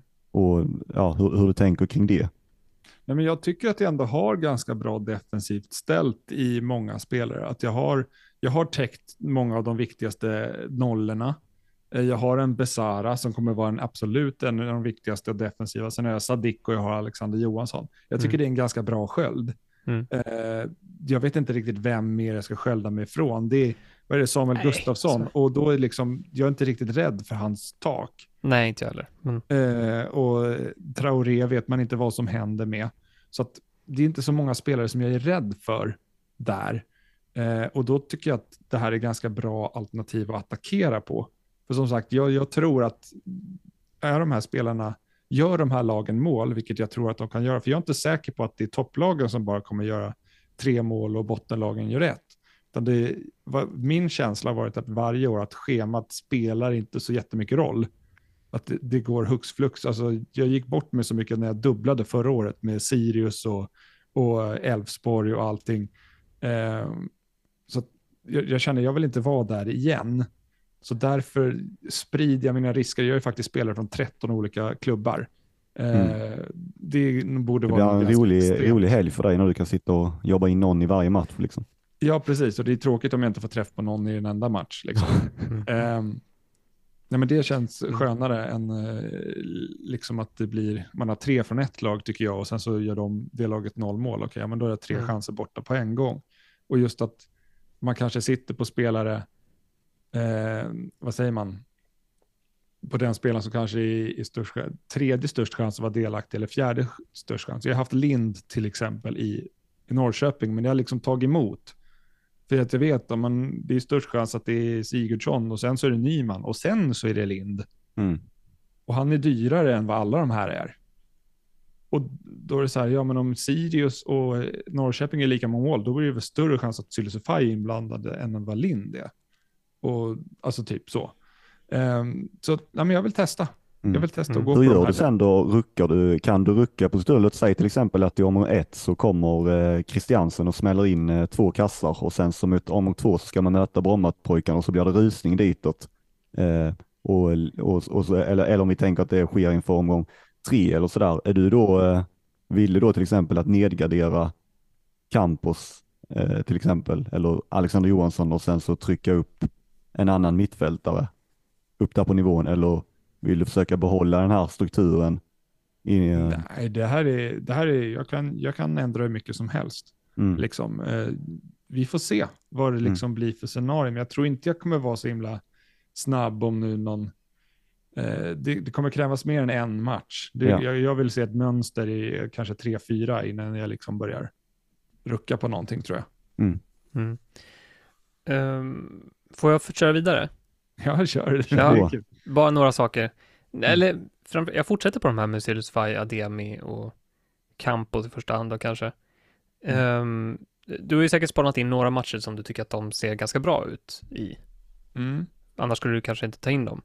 Men jag känner liksom en osäkerhet att när man kommer till den matchen, då kanske inte de har sin, de kanske inte har en startplats när man vill att de ska spela. Mm. Uh, och att det, jag tycker bara att det är lite svårt att veta när de här spelarna kommer vara bra för en. Det förutsätter på något sätt att de får en bra start i sina lag och att de tar sin plats. Och det är väl där jag känner att det, det är lite gamble, alltså att men det här tycker jag är case, det här diskuterar vi liksom med Campos, men han har fler minuter än Joel Asoro förra året. Så det är liksom, det här är liksom samma, samma grej, bara att han är mycket billigare. Så, ja. Ja. Det är det som liksom är grejen. Och, och sen visst, man kan säga att Asoro kan göra ett, två plus ett någon match, men varför kan inte Campos göra ett plus ett? Nej, nej det, det kan han göra. Så det är, det är liksom, jag, jag tycker att det är en så mycket billigare chansning liksom. Mm. Och jag gillar att, ja, men är det någon spelare som är osäker, men då kan jag våga gå lite billigare där. Och mm. om man tittar på XGI där, just i Campos fall, jag tycker det finns mm. sån potential Nej, han som enskild spelare Mm. tycker jag också är väldigt intressant av just det du nämner, att han kom till väldigt mycket chanser förra året, sen så delar han ju på fasta situationer också. Ja. Så att eh, helt klart finns det ju någonting där som skulle kunna ta Mm. fart. Men, men bara så ni vet, alltså jag placerar ju Asoro i samma fack som de här spelarna. Alltså osäkra Mm, spelare, men som har en bra potential Ja. när det stämmer. Mm. Mm. Så att de ser ingen stor skillnad på, bortsett från pris och ägarprocent. Mm. Okej. Eh, Men, och sen Campos, jag reagerade på hela hans, eh, alltså förra säsongen. Framförallt på den andra halvan av säsongen. Han hade Mm. ju, det var inte många 90 minuter. Från någon gång 15 och framåt så hade han en, två, tre, fyra, fem matcher av 15 som var mer än 75 minuter. Ja, men det stämmer att han var ganska Mm. in och ut där och då Det hade var- man väl Vukojevic som man stoppade in där. Ja, det var fyra matcher där han var bänkad. Han blev utbytt i 58, 72, 72, 62. Alltså det är, Mm. Ja, det är ganska, hans plats, han är liksom inte oumbärlig för det där laget, känner jag. För de Nej. gick ju väldigt bra då dessutom. Mm. Nej, men det, det, det är jättebra poäng och det är det som har liksom tagit emot där, den Mm. eventuella liksom speltiden på honom. Ehm, men om vi tittar nu liksom i kuppen, han, vill, ja, Mm. han, han har spelat 90-90-90. Ja, han har en fastare Ja. plats än så länge i alla fall. Ja, konkurrensen Men- har ju inte funnits. Nej, nu har man ju ändå börjat plocka in eh, spelare, eller plockat in, men eh, man har ju Basse där inne och Gvargis eh, börjar komma tillbaka nu. Mm. Ja, och Mörfält har ju varit borta också. Så det är Mm. egentligen typ tre offensiva spelare som har man varit vet ju borta. Som kommer komma in. Ja, om inte, ja, de flesta är ju, Mörfält kanske är någon en bit bort lite till, men han tränar i alla fall. Mm. Eh, ja, nej, det var bara, Mm. en liten- Nej, men, nej, men jag är mer orolig för Wickheim. För ja, det ja, är liksom, ja, Jag tycker det är samma case. Han har förmodligen kanske inte liksom fasta och där skiftar de så mycket och Mm. han kan ju vara bänk men han kostar 2,5 mer. Det gör mycket Mm. mer ont om han sitter på bänken än om Campus gör det. ja, ja, jo, visst, så är det. Ja, och sen Wikheim, flyger han, då kan han flyga riktigt högt. Ja, så Alltså det. om det stämmer för Djurgården och han kommer igång, då kan det vara en sån som man verkligen vill ha. Ja, men då får han bevisa det för Campos har ju mycket bättre siffror än han förra året. Alltså om du, du kollar på returns och liksom så. Okej, mycket att ta i, Ja. men han har bättre. Ja, Ja, jo men det är absolut, absolut. ja. Men, nej, eh, jag säger alltså, jag gillar Campos eh, poängpotential, alltså i form av mål och assist, när han spelar. Mm. Men eh, när han inte spelar och när han Mm. blir inbytt eller utbytt för tidigt, eh, då, då Men sitter man där Mattias- med en poäng istället. Och man visste Mattias inte om har- det riktigt. Och det blir ju samma case med Wickheim då.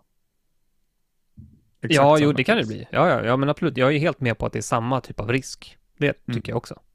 Men Det har du inget- eh, Wikheim och till exempel Sadik för att du vill ha dem självmant eller har du dem för att du, du ehm, vill inte att, eller du ser att det finns ett ägenskapets anda som eh, annars kan bli en stor fallhöjd liksom, om du inte har dem? Sadik, absolut. Mm. Det är inte min typ av spelare. Alltså om du kollar alla mina offensiva spelare förutom Sadik har chans på fasta. Ja. Och det är liksom det som jag vill ha grunden i. Att Mm. de kan ho- ha hotbild i det offensiva spelet.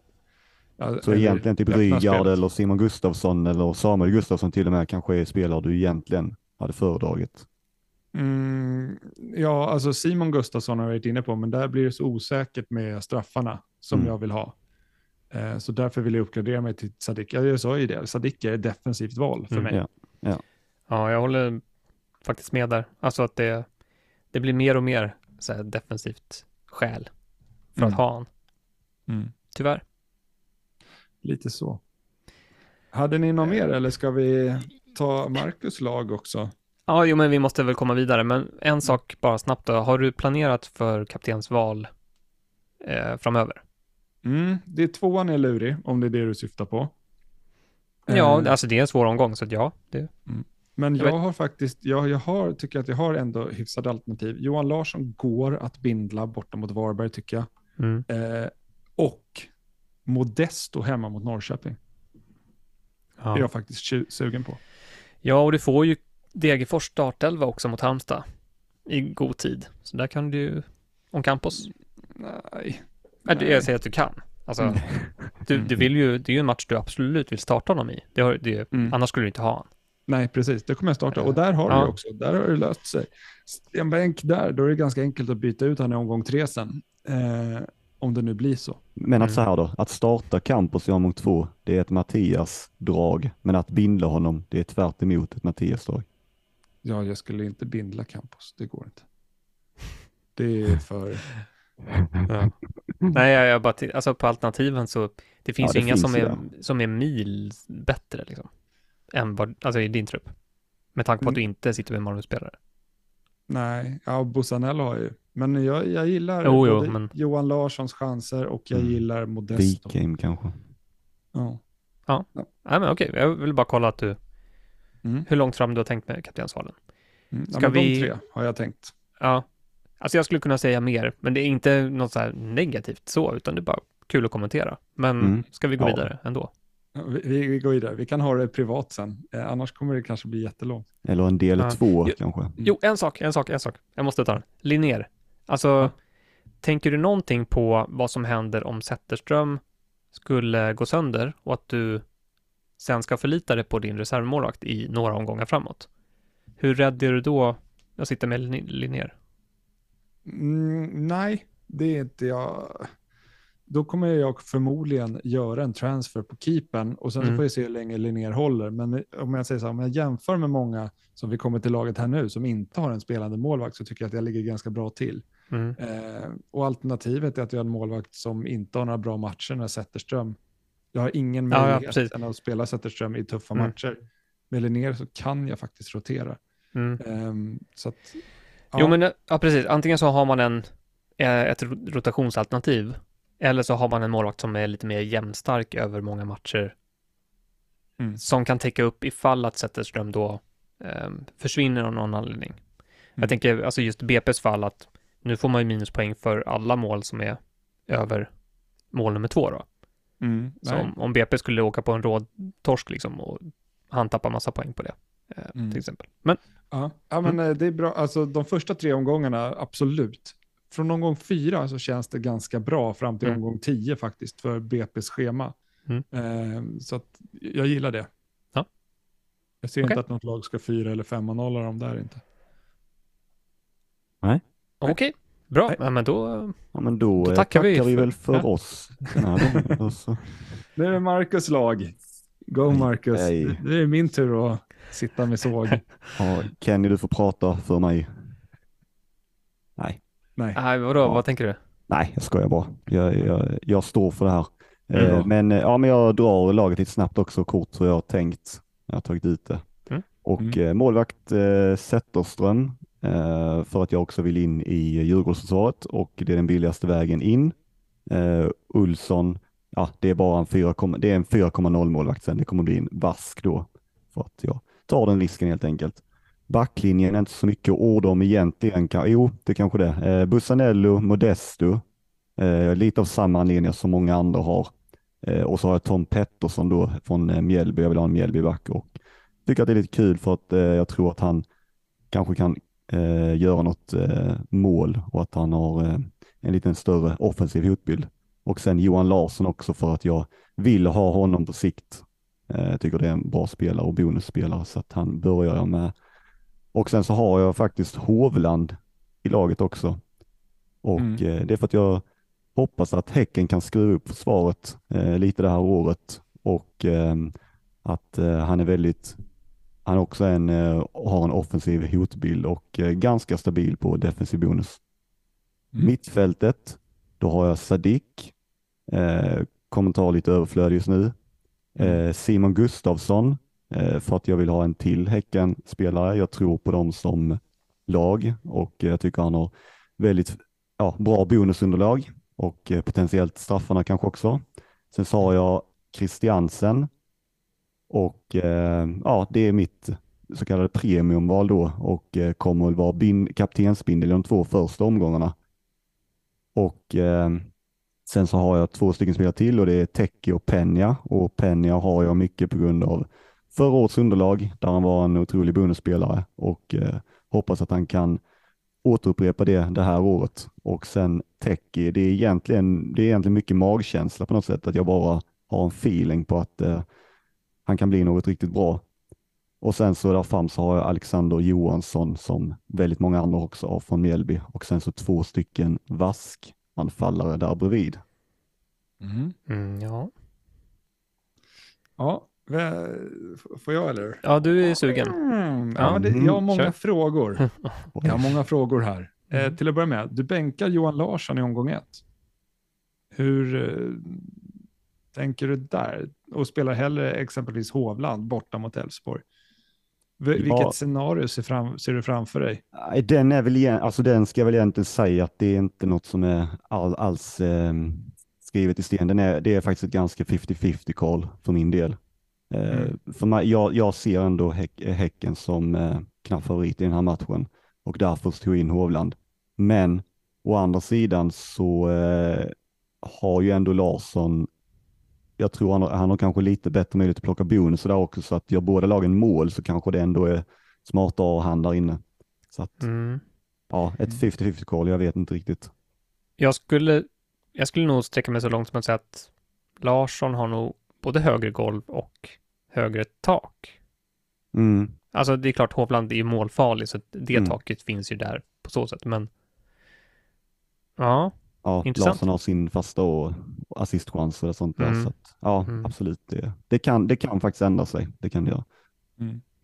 Eh, jag tittar på din omgång två här på din transfer planner. Och där Mm. väljer du att spela tre stycken Häcken-spelare mot Hammarby. Men och bänka Tom Pettersson borta mot, mot Värnamo. Mm. Eh, vad tror du blir resultatet mellan Häcken och Hammarby? 3-0 Häcken? Eller? Ja, kanske. Det, det är väl inte det troligaste resultatet, men eh, i först, ja, det, alltså det kan ju också bli faktiskt att eh, jag startar Tom Pettersson framför eh, Hovland där, det ska sägas. mm. Men eh, offensiven där eh, tycker inte jag, eller för, för min del i alla fall, så känner jag att jag vill gå där för att jag tror att, jag tror bara att Häcken kommer eh, göra mål oavsett. Och att eh, det är ett av de bästa lagen just nu och det är två riktigt bra spelare. Och tyckte jag också man såg förra året att eh, de eh, var det enda laget som snittade över två mål och eh, oavsett, det, det kom liksom sekvenser där man trodde i slutet så här att ja, men nu möter de de här eller de här och att det inte kommer att passa, men så gjorde det ändå, så skapade de ändå chanser, fasta, gjorde mål på alla lagen. Just för att Mm. de har den här liksom breda förmågan också, att de kan eh, både föra matcher och ligga lite lägre och ligga på kontring, att de, eh, ja, de kan eh, verkligen skapa chanser att göra mål mot alla lag. Mm. För du, man får tänka på den defensiva aspekten också, just att du, nu spelar Hovland kanske bänkar, men det blir ju sex poäng för en eventuell nolla mot Mm. Hammarby till exempel. Det är, ganska, det är en och en halv försvarare typ eh, investerat. Ehm, och lite så. Eh, sen eh, tänker jag på din omgång tre där som blir väldigt blå om du reagerar på det. Eh, kanske många matcher. Sen så visst kan man ju tycka att Göteborg och Kalmar sådär. Men och då bänkar du Modesto där mot Hammarby. Hur, hur har du liksom, jag vet inte vad, vad, vilken fråga jag har nu. Kan du? Vill du flika in? Jag vet inte om jag skulle. Allting bara kollapsar liksom i Nej, nej, men, Ja. nej, nej, men eh, Teki är också liksom så här, vad är syftet liksom lite med honom? Är det, vill du täcka Hammarbys eventuella offensiv med honom eller vad är liksom? Det fin- finglar bara lite. Ja, men det, det är faktiskt lite så att där, där kan jag inte säga att jag har någon riktigt så här bra motivering till. Jag önskar väl att jag hade det egentligen, utan det är bara mycket magkänsla utifrån vad jag tycker man har sett från honom på försäsongen. Att, Mm. eh, ja men så här, ganska, eh, jag menar att det finns något väldigt spännande där, lite Bojanic-typen. Eh, Mm. Kan ta sig in i straffområdet, avsluta, sätter väldigt öppnande passningar och sådär. Så att, och sen så är jag ju med på såklart att jag kan ju aldrig ersätta Besara och det Besara har. Men eh, Teki kostar ju också bara 7 miljoner och eh, ja, det, det är lite magkänslospelare faktiskt. Mm. Har du tänkt på att eftersom du har fem ganska dyra mittfältare allihopa så kommer du aldrig kunna spela dina fem försvarare? Ja, det, det blir ju en liten baksida när man väljer det där, så att eh, då kommer det ju alltid vara ett val man tvingas, tvingas att göra. Mm. Mm. Kenny, vill du säga något? Eh, ja, vad ska vi börja? Ja, men vaskspelarna, du har ju två eh, fullblods, eller tre fullblods vaskspelare. De kommer ju inte göra må- många minuter. Nej, det är Ehm, målvakt och sen två anfallare. Eh, du, du är beredd att offra, eh, alltså, ja, om Alexander Johansson inte kommer till spel så mm. då tar du det. Då tar jag en transfer där, ja. Ja, Det- eller fast om du inte vet det. Alltså, Ja, om, ja, ja precis. Ja. För att Mjällby spelar ju eh, i de fyra första omgångarna sent eh, varje gång, så att man kommer inte få deras trupp, man kommer inte få deras elvor. Mm. Eh, Mm. Nej, nej, precis. Ja. Nej, men så, eh, så är det lite. Och Mm. eh, det är väl för att jag tycker att det, eh, ja, det steget blir så stort på något sätt att få, få in någonting. Det, det, jag hade Vasic inne ett tag i elvan. Då ska man upp en miljon. Det ja. känns ändå fortfarande inte helt jättebra liksom. Och, eh, Nej, jag förstår. och, och, och sen så är det ju överlag mycket pengar ute på banan om man säger så. Jag har inte alls samma bredd som eh, Mattias har. Men det är väl också för att jag eh, snabbt vill eh, kunna förflytta mig också mellan spelare om det skulle behövas.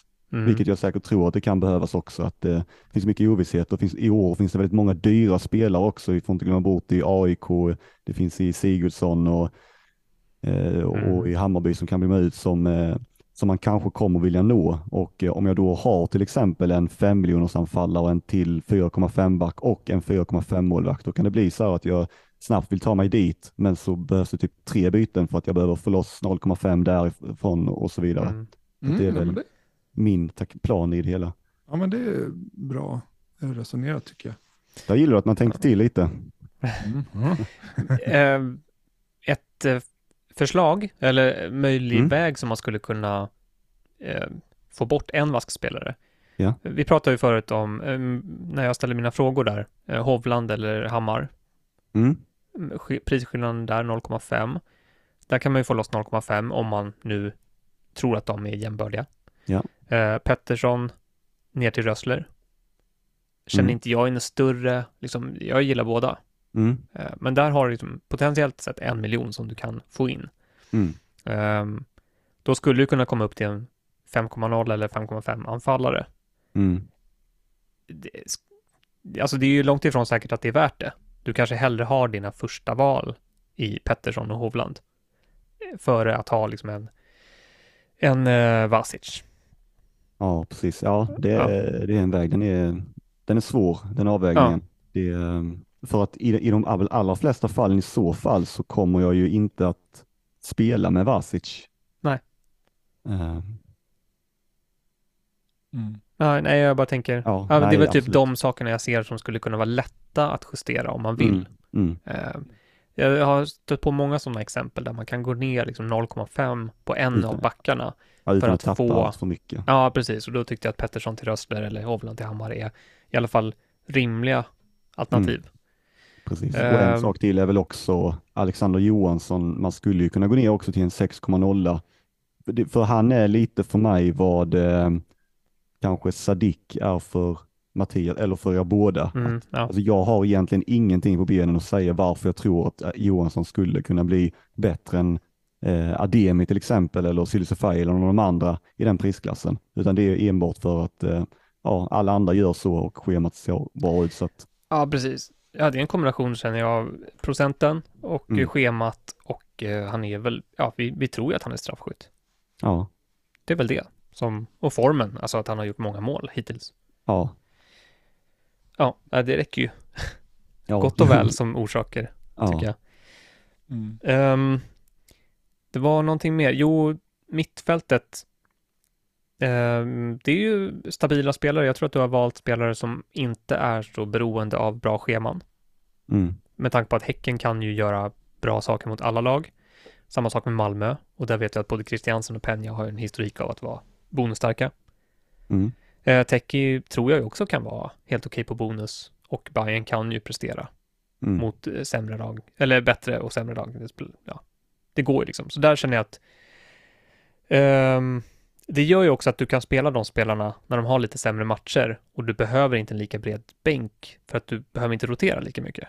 Nej, det är väl därför också som vi såg att eh, i transferplanen som vi ser här så hade Mattias en tydligare plan på hur han ville spela sina spelare medan jag är mer ja, har lite svårare bara för att stryka någon och vet inte riktigt vilka byten jag ska göra mm. omgång två eller tre. Så att jag är förhoppningsvis så hoppas jag att jag har tagit bra spelare eh, från bra lag och eh, ja. kan sitta på dem lite längre om det skulle behövas.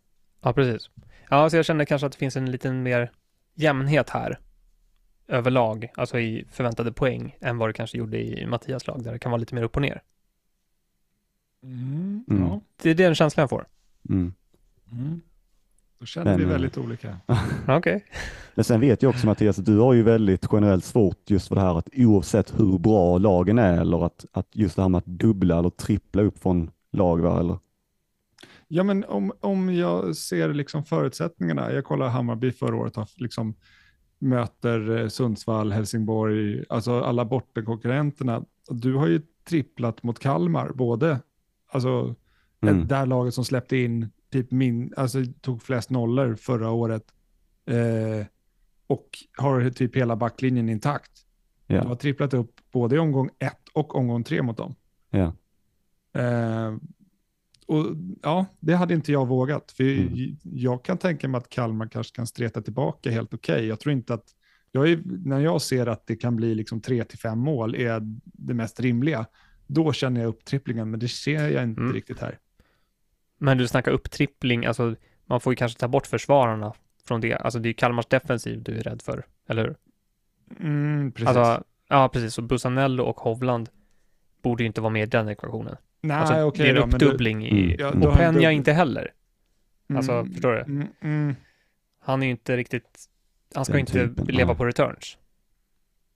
Mm. Ja, då är frågan om hur mycket poäng han ska landa på då, om det är ja, fyra eller fem då. Ja, ja precis. Mm.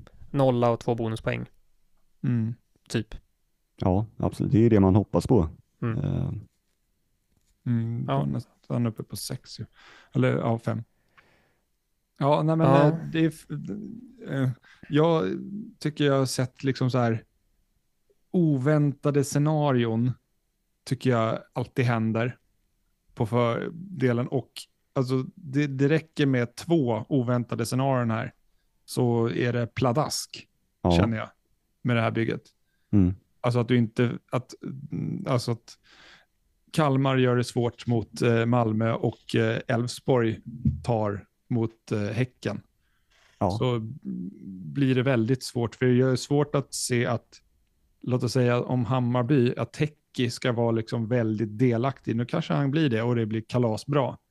Men det känns som att det är en hel del för, spelare före som kommer vara mer delaktiga mål än vad Tech kommer vara. Um, och Det är lite så liksom jag tänker och som du säger Alexander Johansson är ju den skölden som finns. Uh, och Sadik då. Mm. Ja, i övrigt så är det ju ganska, alltså det är ju, det är ju inga högt valda spelare så sett om man tittar på många av de andra som är i laget. Du har ju en sköld i bonuspoängen, det är det liksom. Ja. Som eh, liksom ska täcka upp lite. Um, men så, alltså till exempel tre eh, Häcken spelare mot Hammarby vilket är en tight match och även en Teki som möter ett Häcken. Det är fyra spelare i en väldigt tight match som kostar väldigt mycket allihopa. Um, kontra typ samma utgångsläge för en Campos mot en Viktor Granat som kostar en eh, ja, påse chips liksom. Mm. ja, nej, jag förstår, eh, förstår helt klart.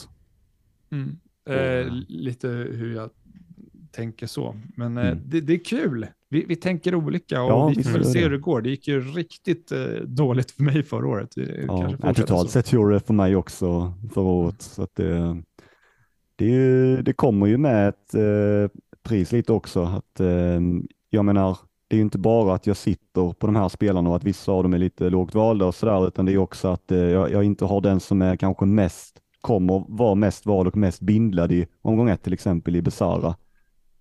Mm. Ehm, sånt kan ju straffa en riktigt ordentligt och eh, det är såklart inte kul när det inträffar. Samtidigt som att eh, då kan det ju bli en swing på andra, andra hållet också, att eh, då, då kan man ju flyga lite mer om, om, om, om man får träff på det man själv har valt. Och då är mm. väl frågan då, kan man leva så att säga med den, de poängswingsen? Eller vill man mm. ha ett lite stabilare flöde? Och, sen spelar ju du annorlunda mot mig och Kenny kontra med klubbhjärta, känner jag. oj, oj, Du oj. går dit, du går dit. Ja. Ja, nej men så här alltså jag, eh, ja det är väl lätt att man ser det här tre Malmö liksom och tänker så. Och eh, jag kan inte säga att, eh, jag kan inte hålla på och argumentera emot det. Eh, För att jag vet ju inte själv heller att det kanske är lite, jag påverkas lite och jag, jag tror ju till exempel, jag tror inte att det är så mycket det i Bussanello och Christiansens fall. Men däremot så kan det ju vara det lite hos Penja. Mm. Att, eh, att det, det, det kanske är det som tipp, ti- får det att tippa över. För att, Ja. ja. Nej, jag Men- tror att- Ja, kör du Kenny. Ja, nej, jag tror att eh, i ett sånt fall med Penja, jag tror att du vill så gärna att han ska Mm, bli den spelaren som du, ja, du hoppas så mycket på det, så att du, mm. Du vill ha han av den anledningen. Ja, alltså det är det är ju kul sätt att, det är kul att spela så, Mm. tycker jag också. Jag gör det inte så ofta, men ja. Mm. Nej men precis, och det var ju så här att jag, jag, jag jag såg det, eller så här kände det väldigt tidigt liksom innan säsongen drog igång så såg jag vilken säsong han kom ifrån. Eh, Jag såg det där tidigt liksom att han var den som snittade mest bonuspoäng av alla spelare förra året Eh, och eh, att ja, börjar Malmö hålla mer nollor, Eh, kommer in i Rydströms bygge, Eh, att det finns mycket som talar för att här kan vi få en spelare som för 6,5 liksom får ett extremt högt golv, kanske högst av ja, väldigt många spelare. Och sen så kommer man till försäsongen och eh, då börjar man ju se andra grejer, liksom att eh, han får en annan, kanske en liten annan roll i laget, inte lika mycket tvåväg, nyckelpassningar kanske inte har kommit i samma utsträckning. Och då, eh, då är det liksom, eh, ja det är svårt, då blir det ju genast svårt där för att hur mycket ska jag välja att läsa in av det jag har sett på försäsongen när Rydström fortfarande är i en form av uppbyggnadsfas Mm. med laget och spelar samman alla kontra allt det underlaget som var för förra säsongen. Eh, Ja, och sen med alla andra parametrar också, att det finns andra spelare som till exempel Samuel Gustafsson eller eh, sådana som vi också vet väldigt mycket av. Ja, och då, då kanske det är så i slutändan att det kanske är Malmö-hjärtat som får det att tippa över till det. Och att man så gärna vill, eh, vill att det ska bli bra liksom. Jag tänker lite så här, låt oss säga att eh, Simon Gustafsson hade varit Samuel Gustafsson i det här fallet. Mm. Eh, Om de hade gjort fem mål på sina tre matcher i svenska gruppspelet, hade det varit rimligt att sitta på Sadik och Samuel Gustafsson då? Det är lite det jag menar, att Mm. det är klubbhjärtat som kanske, den känslan jag har, för det är det som gör att jag inte går på Malmö. De har inte gjort mer än två mål i någon match, eller? Mm. Och Christiansen har varit jättedelaktig, ja. Eh, men det är väldigt mycket pengar och det är för få mål för mig för att vilja liksom pilla på dem Mm. eh, från försäsongen. Medan vi har lag som liksom gjort över tio mål eller liksom i gruppspelen och bara fortsatt östa på om det är Bayern eller Djurgården eller eh, Häcken. Ehm, så ja, jag vågar inte Nej, precis. kliva in där. Liksom, för det, det känns som Malmö känns så här liksom tidigare prestationer spelar ingen roll, för deras status alltid lyfter upp dem till en viss nivå. Men, men då, då har jag en fråga så här, hur många gånger överpresterar Malmö utifrån det du tror kontra underpresterar? Eh, ja, det kanske ofta är underpresterar. Och det är lite det som gör att jag håller mig borta Mm. från dem. Just ja, men när de mötte Skövde, hur många mål skulle du tro de skulle göra?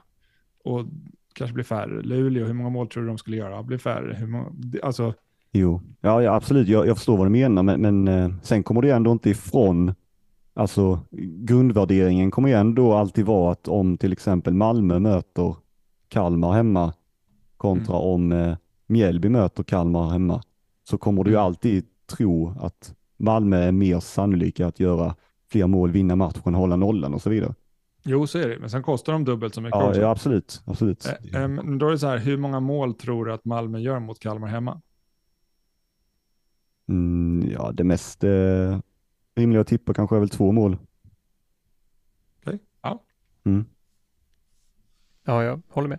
Men eh, kan inte du, men kan inte Mattias se att det är, alltså, om du inte, om vi inte pratar om Malmö som lag då och olika spelare och sådär, att isolera till exempel, att tycker du inte Christiansen är ett eh, toppval då, eller skulle kunna vara ett toppval? Han har ju ändå, om man tittar på försäsongen, levererat och eh, har förmodligen de alla fasta, de flesta i alla fall, och potentiellt troligen straffarna också. Jo, men eh, absolut, det tycker jag att han är. Mm. Det gör jag, men jag blir ju så orolig just för att det inte är tillräckligt mycket mål. Mm. Och att han har ju varit så superdelaktig i det som han har varit nu. Eh, och, men det blir liksom en skillnad om du jämför med en Besara och de har gjort åtta mål i en match och i en annan match, jag kommer inte ihåg resultaten, men det var jäkla många mål totalt. Och att det blir så många fler chanser till returns liksom på något sätt.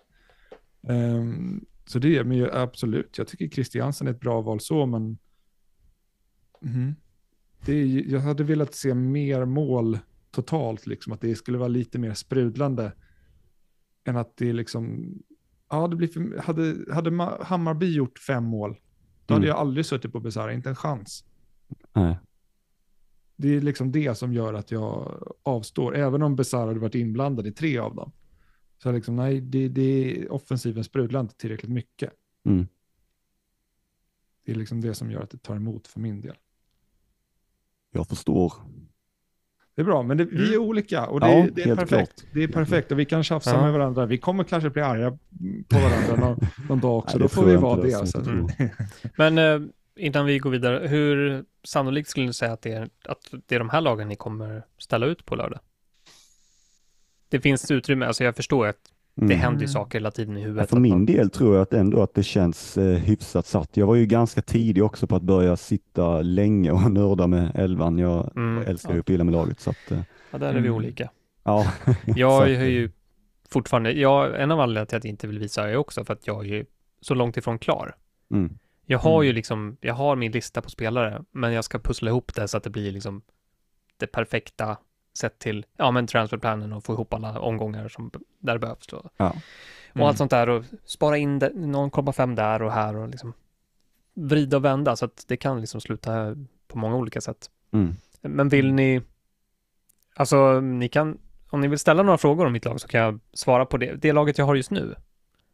Så kan jag i alla fall, har ni någonting som ni undrar liksom? Kommer ut nu? Nej men någonting kan ni ju fråga om ni vill. Alltså, om det är ja, men jag, ni... jag undrar väl bara om du vill svara på det om du sitter med två premiums. Uh, definiera premium. Uh, ja men nivå uh, Christiansen, Besara, Sigurdsson. Ja, har två premium. Mm, mm. Du har två sådana, okej. Okay. Mm. Interesting. Mm. Då, då sitter då du på två. Jag säga, alltså ingen, jag har inte, mittfältet är, um, det är bara två som är gemensamt från båda era lag. Ja, okej. Okay. Mm. Just nu. Det kan ändras, men uh, det är lite annorlunda. Mm. Det är det. Uh, något annat ni undrar? Mm. Som sagt, det här kan ändras, men jag, jag har liksom grunden i alla fall, känner jag. Vilken Malmöback spelar du på? Ja, det är ju en av sakerna som inte är bestämt. Mm. All right. Kör du tre Mjällby-spelare? Ja. Ja. ja. Ja. Nej, det behöver inte fråga så mycket mer. Vi kan gå vidare. Jag bara tänkte ja, om det var någonting eh, annat. Nej, vi, vi Nej, hoppar vi, vidare. Du får visa upp det ordentligt istället. Ska man hålla på och luska här? Nej, men det är ju för att det, det är inte färdigt och jag, jag vill ju inte. Alltså jag, Nej, det, här är det... Inte, det, här är inte klart för mig heller. Eh, det finns flera spelare som jag kan switcha på om det är Ademi till Selkovic, mm. bla bla bla bla, mm. bla Sjöstedt till Lindahl. I, I, det är många bitar som kan mm. bli annorlunda. Ja, nej men först, eh, jag har ju sagt det förut att jag inte vill visa mitt lag. Alltså nu har vi verkligen suttit och dissekerat era lag. Mm. Och det är det jag inte riktigt vill att, jag vill inte få in det i mitt huvud. Alla de tankarna utifrån. Mm. Jag vill att laget ska vara mitt och det ska vara mina tankar som har lett fram till det. Mm. Även om jag har jättestor respekt för andras kunskap och liksom era, er input. Men jag vill ändå mm. att laget ska vara mitt och ingen annans på något ja, sätt. Det ska det, inte finnas det, influenser från andra eh, på det sättet. Och det tycker mm. jag att det, det, är ju helt rätt och det ser man ju att ja, men, eh, Mattias har gått på sitt spår och jag har gått på mitt spår. Och det, så tycker jag alla ska göra också. Att vi spelar olika, mm. vi tror på olika och olika mål och olika sätt så som vi gillar att spela på. Så att, mm. eh, det är ju bra ja. att ta in influenser men sen så i slutändan så kan det ju bara en själv som vet hur man vill sätta upp laget. Ja, Mm. jag vill också att man ska känna någonting för spelarna. Mm. Man ska liksom inte ha någon spelare som man inte har någon typ av känsla för att, alltså bara för att andra tar han så Mm. har man han, utan det ska finnas någonting extra. Mm. Tre Malmö-spelare, jag känner starkt för Malmö. Ja, Ja, ja jag förstår. Jag förstår. Ja, Och jag känner för mina budgetanfallare. Ja, det vet och- jag. Det gör du. och hela Ja. köret. Ja. Nej, men det är ju Ja. absolut, det är ju en bra poäng och det är ju därför det är väldigt svårt ibland och vi försöker undvika det liksom att svara konkret till andra när de Ja. kanske frågar så här, ah, men ska jag välja eh, eh, Sadik eller ska jag välja Samuel Gustafsson? Att det, är- det är jättesvårt att bara svara på det rätt upp och ner. Alltså jag kommer inte göra det. Jag, vet, jag blir taggad i, i sånt ibland. Jag kommer inte Ja. svara på dem. Nej. Eh, För att då kommer jag säga, då kommer jag ge info om båda och sen så får du, för det är Ja, liksom men lite en så. Personens val. Sen Mm. om man vill snacka strategi, då är man öppen liksom. Men så här, rena spela, spelarval, då är det så här, det är ditt val. Mm. Ja, men det, Liksom. det räcker Ja. ju inte heller att, ta, alltså att säga vem som man tror tar flest poäng, utan det är ju också så här, ja, men hur, hur vill den personen spela spelet och, överlag liksom? Mm. Ja, nej men, eh, jag vill inte säga, man får gärna skriva saker till mig om, om man vill det eller Mm. frågor och så, men jag kommer inte liksom, om det är någon som bara, vem ska jag välja av de här två hela tiden? Så då kommer jag kanske säga att den här spelaren är bra på det där och den här spelaren är bra på det där. Mm. Det är det du får. Jag kommer inte Mm. säga välj den där. Och sen trycker du av blocken. det kan bli om det är någon som eh, taggar in samma fråga hela tiden och inte fattar piken. Jag vill Mm. inte, men det kan Mm. bli. Mm. Eh, om jag säger så. Men hörni, Ja, vi, vi ska gå vidare. Vi håller Ja, på och snackar så himla länge. Ja, i all Vi- evighet, Vi, ja. vi ska snacka lite ligor och sånt. Och Kenny, du har en liga här som du vill ta upp. Ja precis. Eh, nu ska jag bara se att jag har rätt. Jo, nej, men vi har ju ett litet samarbete i år, eh, Fantasyguiden, med eh, Glenn, Allsvenskan Fantasy, som är en, en liga som eh, arrangeras av eh, Glenn Sportsbar Mm. tillsammans med oss och eh, ja, så finns också Joakim Sjöge med på ett hörn. Mm. Eh, och det är en liga som, ehm, det har ju varit väldigt stort i Premier League, där det är något, jag, jag tror att det är den största betalligan som finns för FBL i svenska, ja, Mm. för svenskar. Och eh, den har varit igång i fem år. De har dragit in väldigt mycket pengar till Barncancerfonden, 200 000 ungefär på fem år. Oh, hjälp. Så att, ja. ehm, 50 kronor, alltså insatsen är 250, 50 kronor går till Barncancerfonden. Och eh, det är väldigt fina priser, det är eh, resor till, eh, alltså fotbollsresor i Europa. Eh, bland annat vinner man hela ligan så får man resa eh, för två personer till valfri match eller valfritt lag i Europa.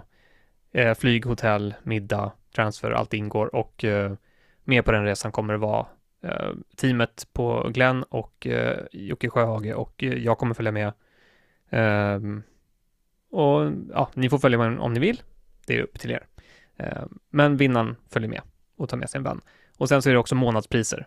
Och det kan vara, det beror lite på hur många det är som anmäler sig, men det, i FBL har det varit eh, liksom Englands resor för varje månads eh, vinst då. Och så är det omgångsvinster också som är eh, presentkort, fina presentkort. Så att det, det finns mycket roliga priser att vinna och eh, en bra liga som jag rekommenderar. Och vi kommer följa upp det lite med, vi kommer redovisa vinnare här i podden då och då. Mm. Pre- presentkort på vad? Eh, resor och eh, lite annat. Det är inte helt spikat. Vi får se när eh, antalet anmälningar eh, avgör lite hur, hur bra det blir liksom. Men, men eh, det ser lovande ut. Okej. Eh, och information om det här finns på deras Facebook-sida i första hand. Så um, Glenn Allsvenskan Fantasy kan man söka på där. Jag kan länka, jag kommer lägga ut ett inlägg på, på Twitter också med mer information. Mm. Eh, vi har fler ligor.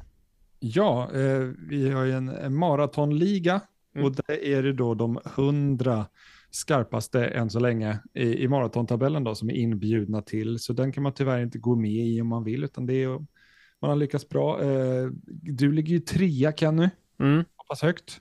Ja, så där är väl egentligen rekommendationen att om man har sett den här listan på topp 100 och, eller ja, har ni inte sett den så gå in och kolla om ni är där. Eh, Mm. Är ni där så får ni en inbjudan. Um, och hjälp oss gärna att lokalisera folk som är med där, men som inte ja. vet det. Så får ja, de gärna precis. hoppa in. Ja. Eh, det har inte varit 100 deltagare varje år, det har varit runt 70 eller, som man har fått tag i. Ja, precis. Det är svårt att få tag på alla 100. Alla är inte aktiva. Eh, så att man, ja, det är inte lätt att nå dem. Mm. Eh, sen har vi en, en liga som heter Slacken, eh, division det ska bli divisioner. Det var Marcinho tror jag som hade en eh, lysande idé här. Förklara Kenny, jag har inte riktigt fått ihop det här i huvudet hur det här ska gå till, men det lät väldigt mm. kul i alla fall. Ja, nej men i vår slack så har vi, eh, ja, det kommer lite idéer då och då. Och det här var en, en bra idé. Vi tänkte att vi skulle införa någon slags divisionssystem eh, för oss som är inne i slacken. Mm. Och då kommer det först vara en kvalperiod, så att alla är med i en liga tag och sen mm beroende på placeringarna där så placeras man i en division. Och sen kommer man kunna gå upp och ner från högsta till, ja, får se hur många det blir då. Men eh, mm. det ska vara ganska lätt att röra sig mellan ändå. Mm. Uh, så det är någonting som kommer att hålla på i flera år, tänker vi. Och det ska vara liksom, ja, ska göra att man kan kämpa vidare. Uh, även om totalranken inte är jättebra så har man någonting mer att spela för lite mer långsiktigt sådär. Mm. Hålla sig kvar i en division eller ta sig upp. Mm, uh, så det, det, ska bli kul. Och, men uh, man måste ju vara medlem i slacken för att få vara med på mm. det. Så att, uh, ja. Jag kan återigen rekommendera om ni ska gå med i slacken så skicka mejladress till i privat meddelande till Fantasyguiden på Twitter. Mm. Yes, och, och, gå med i den här slackligan måste man väl vara med i, för det är där själva kvalet sker. Ja, precis. Ja, så mm. är det. Yes, eh, och då nu kommer jag bara lägga ut lite rekommendationer för alla er, ni som vill konsumera allsvenska fantasy här i slutklämmen.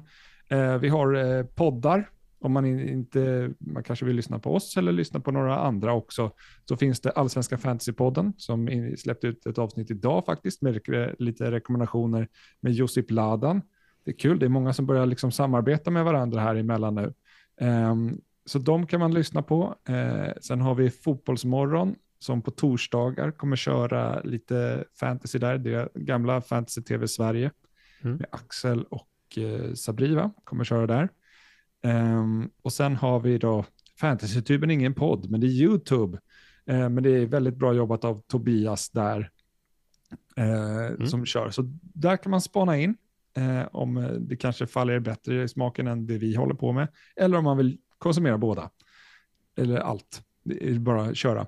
Eh, är man den typen som kanske tycker att det vi snackar om är lite väl nördigt eh, och lite för djupgående och kanske bara, nej men ge mig bara någon spelare att välja. Ja, precis, rakt på sak. Ja, då finns det lite rekkonton där ute. Eh, vi har eh, konto som heter Fantasy-rekar på Twitter och det är ju Marcus från Allsvenska Fantasypodden va, som styr mm. det. Mm. det. Eh, vi har Fantasykollen, så rekommenderar spelare också. Och sen har vi ett nytt konto nu som jag har sett, eh, Fantasycoachen, eh, som har rekommenderat en del spelare också. Så vill man spela fantasy på det sättet så är det bara att spana in dem. Eh, sen har vi lite eh, de som kanske tycker om att prata lite mer strategi då på Twitter. Då har vi gröna pilar som klart har vaknat till nu, det är bra.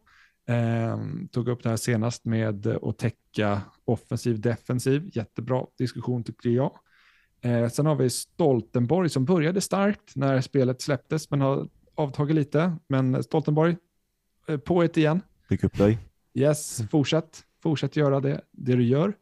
Eh, och i Allsvenskan Fantasy finns det jättemånga olika hjälpmedel som eh, gör communityn roligare och gör oss bättre på spelet. Vi har ju som vanligt Philips FDR som många använder. Eh, det är Tobbe, vi, ja, alla möjliga. Eh, vi har en transfer planner av den grymme Pelle eh, och den finns inne i slacken. Vi får se och kolla med honom om det är någonting som kan komma ut på Twitter. Vi får se. Slacken har vi också totalt. Kom in, var med här där vi bjuder på allt möjligt, skaderapporteringar mm. och eh, uppdateringar till alla nyförvärv som kommer in och pratar allsvenska fantasy, lagbyggen, allt möjligt. Man kan få hjälp. Mm. Vi så mycket närmar info. oss. Ja, förlåt. Ja, eh, Eh, sen, eh, nu har det kommit ett nytt Twitterkonto också Mm. som heter Fantasy Assistant som man kan gå in och eh, vad heter det, följa också. Och där kommer det uppdateras hela tiden alla förändringar som sker i spelet. Alltså prisförändringar, om det är spelare som byter lag och så. Eh, lite problemet där är ju bara att det även kommer eh, massa info från, från FPL. Och spelar man båda spelen är det jättebra, då är det jätteskönt. Men spelar man bara allsvenskan fantasy kanske man får mycket i sitt flöde som man inte vill ha. Man får välja. Annars finns det ju allsvenskan fantasypriser som man också kan följa på Twitter. Som funkar jättebra. Och sen så har vi Patrik Hedlund som gör Alphalytics. Eh, har han. Och vad innebär det, Marcus? Eh, det innebär att han har eh, tagit fram den första faktiskt eh, predicted points-modellen för fantasy allsvenskan. Det finns ju några sådana i FPL då, där Mm. han på lite olika parametrar som man kan läsa mer om hos honom har, försöker då förutspå hur många fantasypoäng varje spelare förväntas ta i omgång ett och i de kommande omgångarna också. Så det är väldigt spännande. Och den här uppdateras hela tiden med färskvara siffror, Mm. eller? Precis, det är han har en modell där som eh, tränas och som han eh, ja, lägger in lite diverse grejer på. Det är nog, jag ska nog inte liksom sitta här och säga för mycket utan det är ju lättare att läsa själv. Så att, eh, hittar man där på Alphalytics på eh, Twitter. Mm. Ja. Jag Bra. försökte flika in lite där förut med slacken. Eh, Det gick Mm. inget bra. Men eh, vi börjar ju närma oss eh, 900 medlemmar i slacken. Det går i rasande takt uppåt. Mm. Och under säsongen, ja vi kommer snart vara uppe på, på typ 200 000 inlägg om fantasy. Mm. Mm. Det är ganska galet. Har du någonting till den tusende medlemmen? Eh, nej. Nej. Inget planerat, men det kan vi väl säkert ordna. En liten tröja kanske med fantasy-grejen på. Ja, Det, det går säkert bra. Vi är en bit ifrån, men det, ja. Det är kul att det, det växer så det knakar. Ja, verkligen. Ja, men det är, jag vet inte om du skrev det i någon tweet, det är ju en ganska bra plantskola liksom. Eh, Ja, Det är ju många som Det- hänger där. Det är 1, 2, 3 i maratontabellen hänger ju till viss del där. Så att eh, Sävås, du och gröna pilar. Så att, Ja, och framförallt Ja. så kanske det är kul också att man eh, i vanliga fall är att man är väldigt nör- nördig i det här och att man kanske inte får utlopp för den nördigheten eh, bland sina andra polare eller Mm. familj. Ja, jag tror att det, ja, det skapas nördar där inne Ja. på löpande band. Eh. Folk kommer in som, eh, ja, vanliga människor kommer Mm. ut därifrån som nördar. Förstörda. Ja, Men, men det beror helt på vad man vill göra det till också. Ja. Är man så, Mm. jag vill inte vara nördig, men jag vill bara liksom, okej nu har jag en spelare här som jag vill, ja, jag vill bindla honom. Men då kan jag bara dubbelkolla på skador där, är det något knas med honom eller liksom. Mm. Man går in och så bara, nej okej det var det inte, bra då kör jag. Ja. Alltså, använd det till det man vill, eh, helt enkelt. mm. Ja, verkligen. ja. Nej, men det finns ju allt som händer i Allsvenskan Fantasy, det tas ju upp där inne. Vi missar ju inte någonting, i princip. Nej, men det, det- det är också, speciellt med så här silly season eller alltså trupper och sånt, det är jätteskönt att man inte behöver gå in på varenda jäkla lagsida och kolla truppen. Är min gubbe med? Utan det kan samlas på ett och samma ställe. Mm. Det är någon som liksom säger till att oj, den här spelaren saknas. Hoppsan, Mm. okej. Ja. Liksom. Nej, men sen har vi också, alltså det finns ju hur mycket som helst att rekommendera, men så fort det dyker upp en skada i något lag, då har vi ju någon expert på det laget som kan liksom ge tips och råd om hur det kommer påverka oss fantasymässigt. Liksom hur, vad, ja, vad är det som händer i det skedet och eh, det är jättestor Mm. hjälp. Nej, men eh, det är bra. Det är bra. Välkomna in i värmen. Ja, som sagt, Välkomna. skicka er e-postadress till fantasyguiden på Twitter. Jag är jättespänd nu på hur sågade våra lag kommer bli när vi lägger ut dem. Eh, Ja, man kanske får eh, stänga ner igen tweeten och allt. Ja, ja, vi får se. Eh, Men som sagt, det är ingenting som är färdigt än och det är många som lägger upp lagbyggen. Men det är kanske är lite roligare att trycka dit oss som eh, har en podd om det och kanske ser en tydlig svaghet i någonting. Jag vet inte. Vi får se helt enkelt. Ja, Ja. men eh, ja, det är inget rätt eller fel. Det ska vi komma ihåg. Det, Exakt. Kör som man vill. Man, det, den, den som leder har, har rätt. Så, så kommer det bli. Sen får vi se vem det blir. Jag hoppas att det är jag. Mm. Mm. Vi har ju intern också ja. för att säga det om man gäller liga. Vi har en intern liga, den ska jag ta. Ja, ja, ja. försök. försök. Ja, nej, du ska inte få den andra gratis som du fick förra året Ken. Nej, okay. Du kom tolva för sig, det var ganska bra. Det var, det var bra gjort. Vad sa du? Du kom ju tolva förra året. Nej, 14. Var, 14, sorry. Mm. Jag lyfter, nej, det var jag som kom tolva ett år, ja. Så var det. Okay. Mm. Ja, nej, ja. släpper det hörni och eh, stänger av här nu innan avsnittet blir allt för långt. Jättekul för er som har orkat lyssna hela vägen. Eh, ha det bra allihopa. Eh, adjö säger jag. Adjö. Hej.